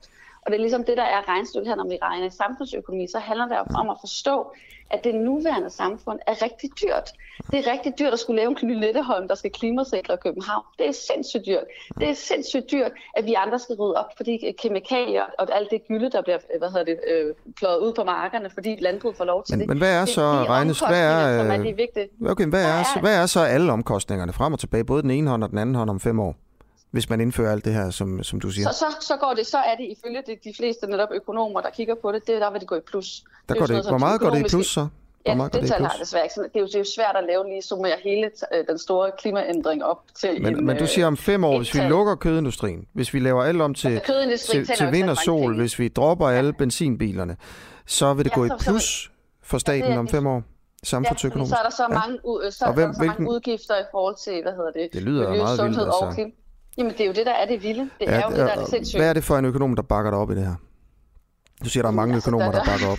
Jamen altså, for eksempel de økonomiske vismænd har jo regnet har de på det regnet på lige præcis til, det her, du siger? Nej, de har regnet på i forhold til kødindustrien, og der viser de jo netop, at det er en dårlig samfundsmæssig økonomisk Kan du nævne en, en økonomisk vismand, der, der siger, at hvis man indfører din politik, så om fem år, så er samfundsøkonomisk, det så er det kan... plus? Øh, sådan kan man ikke se det. Nej, det er der ikke. Der er ikke nogen, der har sagt det. Men mm. det kan være, der er nogen, der har lyst til det, hvis du spørger om. Ah, men du sagde bare, at der er mange, der har regnet på det. Nå, det er, jo ikke, det, er jo ikke, det er jo fordi, at alt det, vi laver i Momentum, er jo ikke noget, vi selv opfinder. Mm. Det er jo noget med, der findes, vi kigger jo på, når er der tekniske rapporter, der viser, at vi godt kan omstille til vindmøller. Ja, det er der. Øh, og så kigger vi på, så det er jo ikke sådan noget, vi opfinder jo ikke selv den dybe tallerken. Det vores opgave er jo, øh, det er jo at oversætte klimavidenskab og oversætte alle de, den viden, der ligger derude, til nogle politiske forslag. Men den største handling, som Momentum faktisk handler om, det er, at vi gider at stille op til de her valg, og forsøge selv at gøre det. Ligesom nu nævnte nogle af dine kolleger det her med, at der var en hel masse forskere, der øh, blokerer Klimaministeriet her en af dagene. Mm. Og det viser jo det her med, at de klimaforskere, der sidder og kigger ned i det her hver dag, er så desperate, at de her kedelige forskere, som normalt sidder i deres elfenbenstårn, nu går ud og bliver aktivister og blokerer mm. en, en ministerium. Det viser noget om den seriøsitet og den desperation, forskere sidder med. Og det er den samme desperation, vi som, ja. som parti har valgt. Vi har valgt at gå den politiske vej og sige, at vi har brug for nogle mennesker, der går ind i de her rum og forsøger at få de her beslutninger truffet igennem. Okay. Men det er ikke noget med, at vi opfinder ikke den dybe tallerken. Nej, nej, det, det, det, det du taler om her, det er Scientist Rebellion, som er en gruppe af danske, og det, det er en international gruppe faktisk, men der er en Ja. gruppe af danske og svenske forskere, der her i dag kl. 10 kommer til at blokere gaden foran Klimaministeriet. Og, og en af dem talte jeg med tidligere på morgenen. Hun er lektor på Roskilde Universitet, og er godt klar over, at det, de gør, det er bevidst lovbrud her kl. 10, men, mm. men de gør det altså af, alligevel. Og så snakkede jeg lidt med hende om, om, om det, kan man sige. Øhm, der er faktisk flere lyttere, der har... Jeg vil gerne have din reaktion på det også lige om lidt, mm. men der er flere lyttere, der har, der har skrevet ind om det. Øhm, kan vide, hvor meget ekstra forurening, der bliver udledt på grund af biler, der holder i tomgang, fordi de ikke kan komme videre på grund af Extinction Rebellions aktiviteter. Øh, det er også øh, det, det er Anita, der skriver det. Det er fordi, at Scientist Rebellion, altså forskerne, de laver den her aktion sammen med den øh, bevægelse, der hedder Extinction Rebellion, der er kendt Mm, for at lave sådan nogle mm. aktioner i hele verden, hvor man øh, Mm. øh, bryder loven og, og forstyrrer trafikken, for eksempel. Noget civil ulydighed, ikke? Ja. Ja. Carsten Nielsen ja. skriver, Laura Horn, det er jo altså lektoren fra Roskilde Universitet, øh, er øh, som en forvirring på et super højt plan. Øh, man får helt stress af at høre på hende, og Jesper skriver, at klimaminister Dan Jørgensen har været helt væk i den her debat, men han har jo også været travlt, beskæftiget med at skrive og redigere en bog om Socialdemokratiet gennem 150 Ja, det det. år. Øh, at han ikke har nok fokus på det, mener Jesper Sørensen altså. Og Michael Sand Mhm. øh, skriver bare, at når hun helt bevidst bryder loven, så er det ud af mit land. Øh, så øh, det, det, han mener simpelthen, at... Øh, at, at, at forskeren for skal smides ud af landet. Men, altså, men pointen er jo bare, at han i hvert fald ikke bryder sig om, at de her forskere bryder loven bevidst for at sætte fokus mm. på Mm. klimaet. Mm. Øh, Hvad synes du om det? Er det okay at, at, bryde loven for at sætte fokus på klimaet? Altså, vi er jo i den her situation, hvor folk simpelthen ikke har forstået, hvad for en krise vi står overfor. Øh, Så jeg forstår godt, at de her mennesker tyr til nogle redskaber, som er på kanten af, hvad, man, af, hvad der er normalt. Og det er jo fordi, at de vil gerne lave et wake-up call til folk og sige, vi gør noget ekstremt nu, noget sindssygt. Og så håber de, at andre mennesker kigger over på dem og siger, hvorfor gør de det? Okay, Ja. de må virkelig mene det. Øh, Jeg har så personligt netop valgt at gå en anden vej, for jeg mener, at det der er behov for, det er den mere det politiske spor.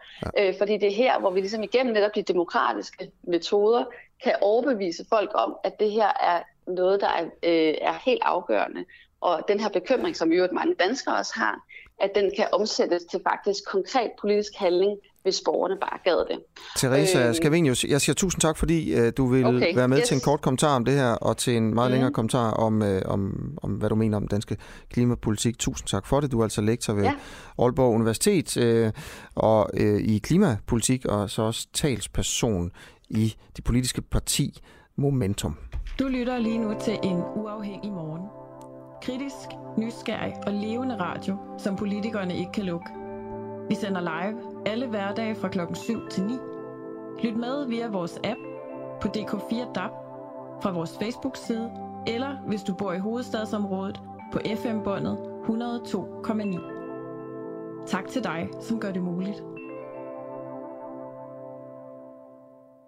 Hvad er det for nogle to ansigter, den øh, islamiske øh, organisation, som har været bragt frem i, i Ekstrabladet, egentlig har? Det er en organisation, øh, som hedder, nu skal jeg lige finde, det hedder Team Dauer. Øh, Thor Hamming er ekspert i jihadisme og fortæller om den danske organisation med de to ansigter lige om 10 minutter. Burde en fejl i en lejekontrakt være nok til at blive adskilt fra sin mand og sendt hjem til sit hjemland på udrejsecenter Ellebæk, der sidder lige nu 55-årig Juade C. Lund fra Thailand. Og hun står altså til at blive hjemsendt. Hun er gift med dig, Frode C. Lund. Godmorgen. Ja, godmorgen. Hvor lang tid er det, I har boet sammen i Høng i Vestjylland? Ja, I Høng har vi boet sammen i øh, tre år nu, men vi har boet sammen totalt i 13 år øh, i Danmark. Øh, Juade, øh, hvordan siger man det egentlig? Er det Juade? Det er Juvadi. Juvadi øh, ja. kan jo ikke få sin opholdstilladelse forlænget, øh, fordi I, I, er en, I, at I, har, I en periode, hedder det, har boet til leje uden en opdateret lejekontrakt. Ja, det er jo det, der er det fortvivlede i det her. Ja. Er der andre øh, argumenter, altså øh, juridiske argumenter for, at øh, Juvadi skal sendes hjem? Overhovedet ikke. Overhovedet ikke. Og, og hvad er det for en, øh, en, altså en, hvad var det, der var galt med den lejekontrakt? Jamen, det var jo i forbindelse med en konkurs af et firma, vi havde. At der var det det firma, der havde skrevet under på, på lejekontrakten øh, med udlejer. Og da vi så starter et nyt firma op, der øh, bliver vi enige med udlejer om, der er ingen grund til at lave nogle nye papirer, fordi vi fortsætter jo bare, som vi plejer. Og så var der ingen af os, der tænkte mere over det. Og det var altså åbenbart en fatal fejl, til man kan få forlænget sin opholdstilladelse. Og det er jo helt vanvittigt. Mm. Helt vanvittigt. Hvad var det for nogle firmaer? Og det er snikker tømmerfirma. Okay. Jeg er snikker tømmermester. Ja. Øhm, og altså, hvad, hvad er historien med, med dig og Juvardi? Jamen, historien er, at vi er ganske almindeligt øh, etniske øh, danske forhold, ikke? Øh, som har mødt hinanden i 2009. Og øh, det gjorde vi faktisk i Jylland. Øh, jeg har aldrig været taget til Thailand for at skulle finde en eller anden thailandsk kvinde, men vi mødte hinanden derovre ved hendes søster, og det sagde pling, og så, øh, så søgte jeg om at få hende herop, fordi hun var her på, på et, øh, hvad hedder det, et turistvisa. Og øh, så søgte jeg om at få hende op igen en tre måneder efter, og så kom hun herop, og så giftede vi os i januar 2009, for at vi kunne søge familiesammenføring.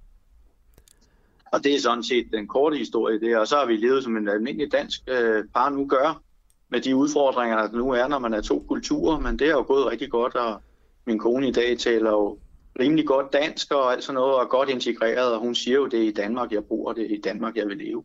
Mm. Så øh, det er helt sygt, det Ja, og, og, og hvor er det, hun er lige nu så?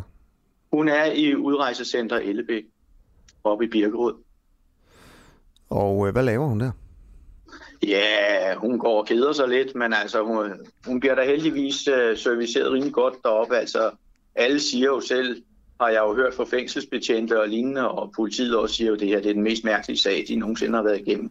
Fordi de kan jo også godt se, hvordan vi bor i dag og sådan noget. Vi bor jo godt og har det godt, og hvorfor skal vi smides ud? Eller hvorfor skal hun smides ud? Og vores liv skal smadres. Altså, og, og hvornår skal hun øh, rejse? Øh, jeg har kun mundtligt fået at vide nu her. Jeg har ikke fået det skriftligt øh, bekræftet, men det er den 31. her på søndag. Og kommer I bare til at parere ordre? Det er vi langt hen ad vejen nødt til, fordi øh, Hjemrejsestyrelsen har åbenbart nogle helt vanvittige kompetencer til at kan tage folk i hovedet og røv og smide dem ud, når det passer. Ja, så det, har, har I overvejet sådan noget med, øh, altså, at hun på en eller anden måde bare skulle stikke af fra Ellebæk, eller...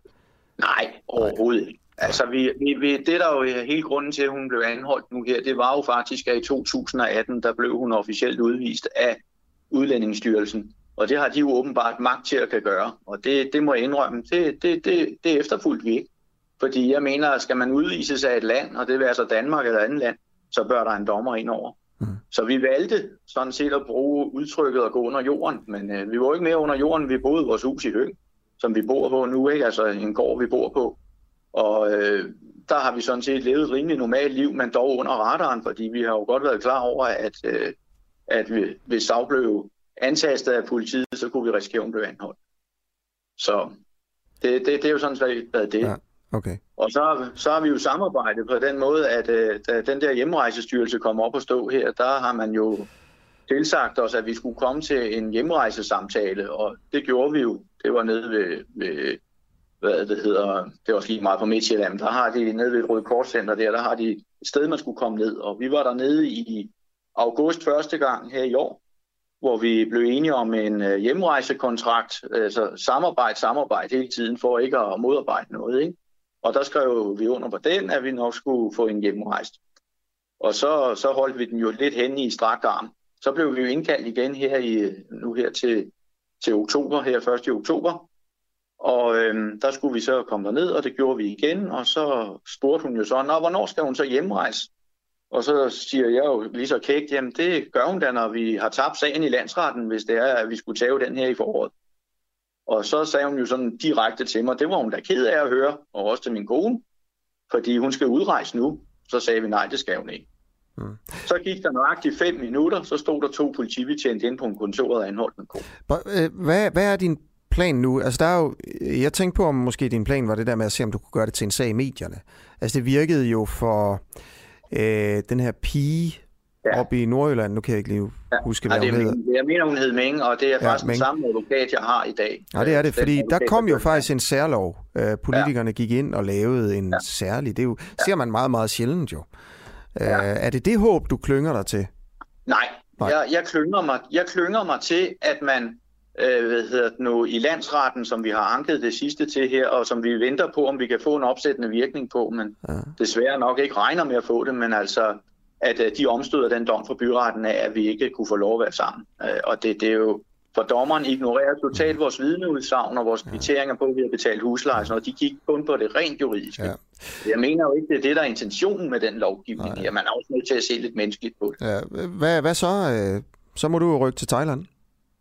Jamen altså, den værste konsekvens af det her, det er, hvis vi bliver underkendt i landsretten, hvad jeg simpelthen ikke kan forestille mig, at vi kan her i Danmark med den retssikkerhed, man burde have. Øh, jamen, så, så er jeg sgu nødt til at røge hotelpælen op og flytte til Thailand og bo sammen med min kone. Okay. Og det vil da være det vil da ikke være sjovt, fordi øh, jeg har det godt her i Danmark. Jeg er dansker, og jeg er stolt af mit land, men lige nu må jeg nok indrømme, det kniver lidt med stolthed. Jeg har blandt andet en flagstang og et flag lige nu, og jeg har sat mig for. Jeg sætter ikke det flag op, før hun kommer hjem. Jeg vil simpelthen ikke fejre noget som helst lige nu i hvert fald. Vel? Ja. Det er... Plejer du at flage meget? Ja, det gør jeg faktisk. Jeg er national. Nå. Det er jeg. Nå. Det er ja. jeg. Altså, ja, jeg, jeg elsker mit land.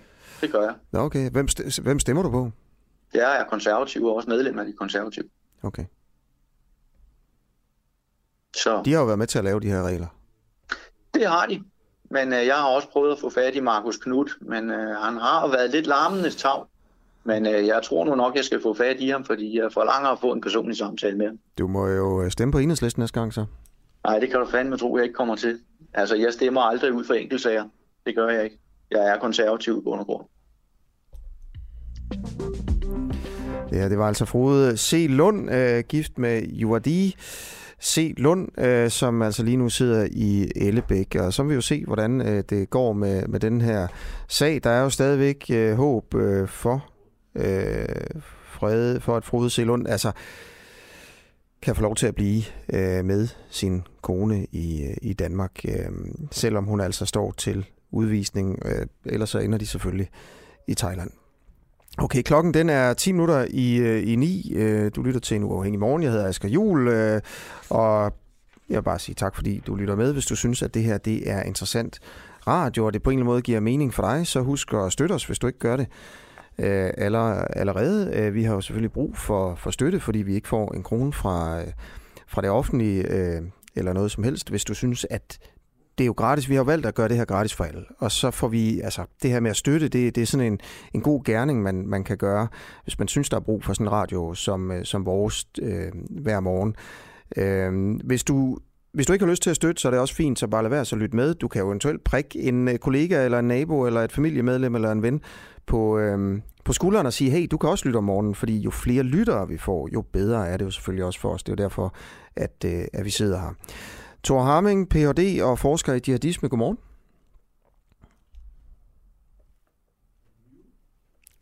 Ja, godmorgen Thor. Nu skal vi lige øh, se her om to sekunder. Ah, vi skal lige, der var lige lidt bøvl med, med teknikken her. Vi prøver at få...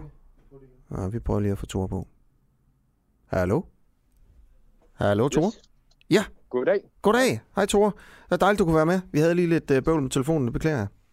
Nu virker det fint. Nu virker det. Uh, vi skal snakke om en uh, tilsyneladende fredelig muslimsk organisation, som har to ansigter, ser det ud til. Team Dawa ligner udad til sådan en fredelig, et fredeligt muslimsk øh, fællesskab, som arrangerer hytteture og fællesspisning. Ekstrabladet afslører dog, at en række nye terrorsager trækker tråde til netop Team Dawa, og at organisationen sympatiserer med, med IS, og du er med nu her for at, at prøve at fortælle os lidt om, øh, øh, om, om de to ansigter her, og du er altså ja. med til at lave Ekstrabladets podcast, der hedder Homegrown, som står bag den her afsløring. Øh, ja. Hvad er det sådan udad til, at Team Dawa er for, for en organisation, sådan det venlige ansigt? Hvad, vil du prøve at beskrive det? Jamen altså, som du ret fint siger, så er det jo øh, en organisation, der prøver at fremstå som en, en meget normal, fredelig muslimsk organisation, der egentlig bare laver nogle forskellige aktiviteter, øh, prædikener, øh, sammenkomster, øh, mange sociale aktiviteter, men øh, hvor der absolut intet øh, farligt at færre, men egentlig bare en organisation, som gerne vil udbrede deres øh, religion, i det her tilfælde islam. Og, øh, og det gør de så øh, igennem øh, forskellige måder, både nogle øh, fysiske aktiviteter, men i særdeleshed også online, hvor de særligt på Facebook igennem årene jo har været ret aktive og, øh, og, og lagt en masse ting op øh, for ligesom at sprede det islamiske budskab. Mm, ja, de har øh, øh, over 3.000 følgere på Facebook, tiltrækker mange børn mm. og, og unge til sociale arrangementer. Der er også billeder, der viser, hvordan de står og deler flyers ud på, på gaden. Øh, den præcis. bliver beskrevet af flere kilder som sådan et centralt netværk i det danske ekstremistiske miljø, og PET vurderede for nylig, at Team Dawah sympatiserer med islamisk stat. Øh, selv afviser Team Dawah alle anklager øh, over for, for Ekstrabladet. Øh, hvem mm. er med i det her? Det, altså, det kan jeg ikke stå og sætte, øh, sætte navn på øh, her i, i radioen, men det er klart, at jeg er bekendt med identiteten på dem, der er medlemmer i Team Dava. Det skal også siges, Team Darva nu, når vi snakker om Team Darva i 2021, så det er en skygge af sig selv. Det er en lille organisation, der holder til ude i, øh, i, i Brøndshøj, hvor de måske er en, en god håndfuld mennesker, der egentlig ikke laver meget andet end en gang imellem at opdatere en Facebook-side. Så det er, et, det er et, en gruppe, der er på vej øh, ned. Så det vi egentlig også beskriver i podcasten, det er jo mere med de historiske briller på, hvordan gruppen i 2018 blev etableret og, og voksede sig så større. Øh, men, men lige nu er det en gruppe, der er på vej ned. Så det er, det er en gruppe med, med, med få medlemmer, som er kendte i det øh, ekstremistiske miljø i, i Danmark, mm. og øh, som, som jeg også har, har fulgt igennem længere tid. Ja. Og, er, er du ansat på Ekstrabladet til at lave det her homegrown? Øh, ja, som, som øh, e- ekstern øh, konsulent, så at sige. Mm, okay, fordi jeg tænker bare lidt på, hvorfor Ekstrabladet ikke afslører navnene på sådan nogen, der er med i sådan en ekstremistisk øh, gruppe. Hvorfor kan vi ikke få det at vide? Jamen, øh, det, det kunne man muligvis også godt. Altså, nu var det mig, der gerne ville lave den her øh, podcast, og det gik Ekstrabladet så med til, og jeg kom mm. ind som, som terrorforsker, og det, øh, det er ikke mit formål. Øh, mit formål var at... Øh, fortælle en historie om en, en gruppe, jeg synes er rigtig vigtig. Øh, ikke så meget at få afdækket de specifikke personer, ud over dem, vi så også nævner navnene på, altså nogle af de her sheiker, der står bag, fordi vi mener, at de er, de er så vigtige, at, at øh, det giver god mening at nævne deres navn. Men ellers har jeg ikke en stor interesse i at, at nævne navne. Nej, nej. Okay, jamen, øh, og, og hvad er det så for nogle links, der er til islamisk stat? Jamen altså nu, øh, podcastserien er jo i gang, så jeg vil jo ikke røbe det hele, der kommer jo mere, men øh, som man har kunne høre de første to afsnit, så, øh, så kører der jo øh, PT en terrorsag, og der begynder en anden en i øh, 4. november, hvis jeg husker rigtigt, øh, hvor det er personer, der på en eller anden måde har haft tilknytning til Team Dava. Øh, faktisk hele tre personer af dem, der, der er tiltalt, øh, har, har forbindelse til Team Dava. Øh, så, så det er jo nogle af de sager, vi, øh, vi, vi kigger ned i, jeg skylder Team Dava at sige, at det er også personer, der er blevet smidt ud af gruppen.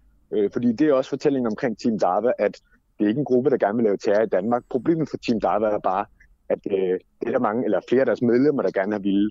Så det er sådan lidt et, et, et fluepapir, øh, fluepapir for terror, kan man sige. Øh, og det er også det, du ser med de her sager. Og jeg tror, at Team Dava er godt og grundigt træt af det, at, at nogle af deres tidligere medlemmer, de er så dumme at vil, vil gøre sådan nogle ting, fordi det påvirker jo øh, gruppen. Men øh, ikke desto mindre, så er det det der tilfælde. Mm. Okay, så jeg, jeg er lidt forvirret om, om, om dem, der står bag øh, Team Dava-gruppen, er søde og rare, eller, øh, eller rigtig dumme, altså? Jamen, altså, det er, jo, det, er jo, det er jo svært at sige, men de er jo ikke terrorister. Øh, fordi det er du kun, hvis du laver, laver terror, øh, i min bog i hvert fald. Men, øh, men det er klart, de, øh, de støtter en, en meget ekstremistisk ideologi, øh, og de trækker tydelige tråde til tidligere ekstremistiske grupperinger i Danmark, som kaldet til islam og Milatu Ibrahim hvor der var rigtig mange af de medlemmer, der rejste til islamisk stat øh, for at, at tilslutte sig gruppen. Det er man så stoppet med nu, simpelthen fordi det er, det er for svært at, at komme derned. Øh, men, men jeg er ikke i tvivl om, at, at uh, Team Dava stadig har de samme sympatier. Deres fokus ligger bare et andet sted. De skal genopbygge en, eller forsøgte at genopbygge en organisation i Danmark, øh, og det var ikke med fokus på at lave terror, det var med fokus på at genopbygge en organisation. Okay. Øh, det sidste, jeg vil spørge dig om, der er tre minutter tilbage af udsendelsen her, det er, øh, du siger også, at Team Dava er sådan lidt på vej ned, altså i aktivitetsniveau øh, i hvert fald, ikke? Øh, mm. Og sådan, det er også min fornemmelse er, at når man sådan ser på, på nu her i, i hele Europa, så er der ikke så meget terror, som der var engang, for eksempel, øh, som der mm. var for, for nogle år siden. Hvordan ser det ud med sådan hvad kan man sige, terrorvilligheden i islamistiske kredse i Danmark for tiden? Jeg ved ikke, om du ved det overhovedet, men... Øh... Nej, altså der, der, der er jeg jo, øh, øh, må jeg jo ligesom alle andre bare følge med i de øh, sager, der, der nu engang kommer, og, øh, og tage bestik af dem og vurdere på baggrund af dem. Og der må vi jo trods alt sige, at der har jo været en del anholdelser øh, de seneste par år i Danmark. Altså du havde de store anholdelser i december 2019, øh, du havde igen i april 2020, som lige er blevet dømt, og så har du haft i, i februar i år. Så der har jo egentlig været mange store anholdelsesrunder, øh, og det vidner i hvert fald om, at der, er en, øh, der, der fortsat er en trussel. Øh, men det er rigtigt, at i de her mere organiserede netværk, der, der er aktiviteterne på vej ned. Men det vi så også kan, kan lære af fortiden, det er jo, at ja, ja, altså det sker en gang imellem, det går som, øh, som bølger op og ned, men øh, Team Darva er bare et udtryk for et fænomen, som vil blive ved med at bestå, og derfor kommer der også en ny gruppe i fremtiden, som kommer til at tage over efter Team Darva. Og derfor er det så vigtigt at holde øje med. Okay. Altså det er din vurdering, der kommer en ny gruppe, det er ikke noget, du ved, eller? Øh, det, det er ikke noget, jeg ved med sikkerhed. Altså jeg kan se, der, der, der er tegn på det. Øh, folk i miljøet, der, der rører på sig og, og mødes med hinanden og sådan nogle ting. Øh, men øh, jeg ved ikke, hvornår det kommer til at ske. Jeg ved ikke, hvad den kommer til at hedde. Men øh, jeg er ganske overbevist om, at der nok skal, skal komme noget. Thor Harming, øh, Ph.D. og forsker i jihadisme, som altså øh, er med til at lave Ekstrabladets podcast, der hedder Homegrown. Øh, og hvordan kan man finde den podcast, hvis man synes, at det lyder interessant, det her, Thor? Jamen, øh, nu er jeg ikke øh, teknisk øh, minded, men det tror jeg, man kan på alle de steder, hvor man lytter til sin podcast på ja. iTunes og på Spotify. Mm. Og så kommer der jo en ny episode her på onsdag, som bliver rigtig spændende, hvor vi skal til Syrien. Så det bliver fedt, hvor vi snakker med en, der har været med hos IS. Thor Harming, tusind tak, fordi du ville være med, forsker i jihadisme her. Det var det for dagens udsendelse. Klokken er ved at være 9. Jeg hedder Asger Juhl. Morgenholdet i dag var Oliver Nobenau og Peter Marstal. Så er der bare tilbage at sige øh, tak for i dag. Jo, og så lige husk, at øh, vi jo også sender hver eftermiddag kl. 16. Ring, hvis jeg tager fejl med Steffen Larsen. Det er et øh, anderledes radioprogram.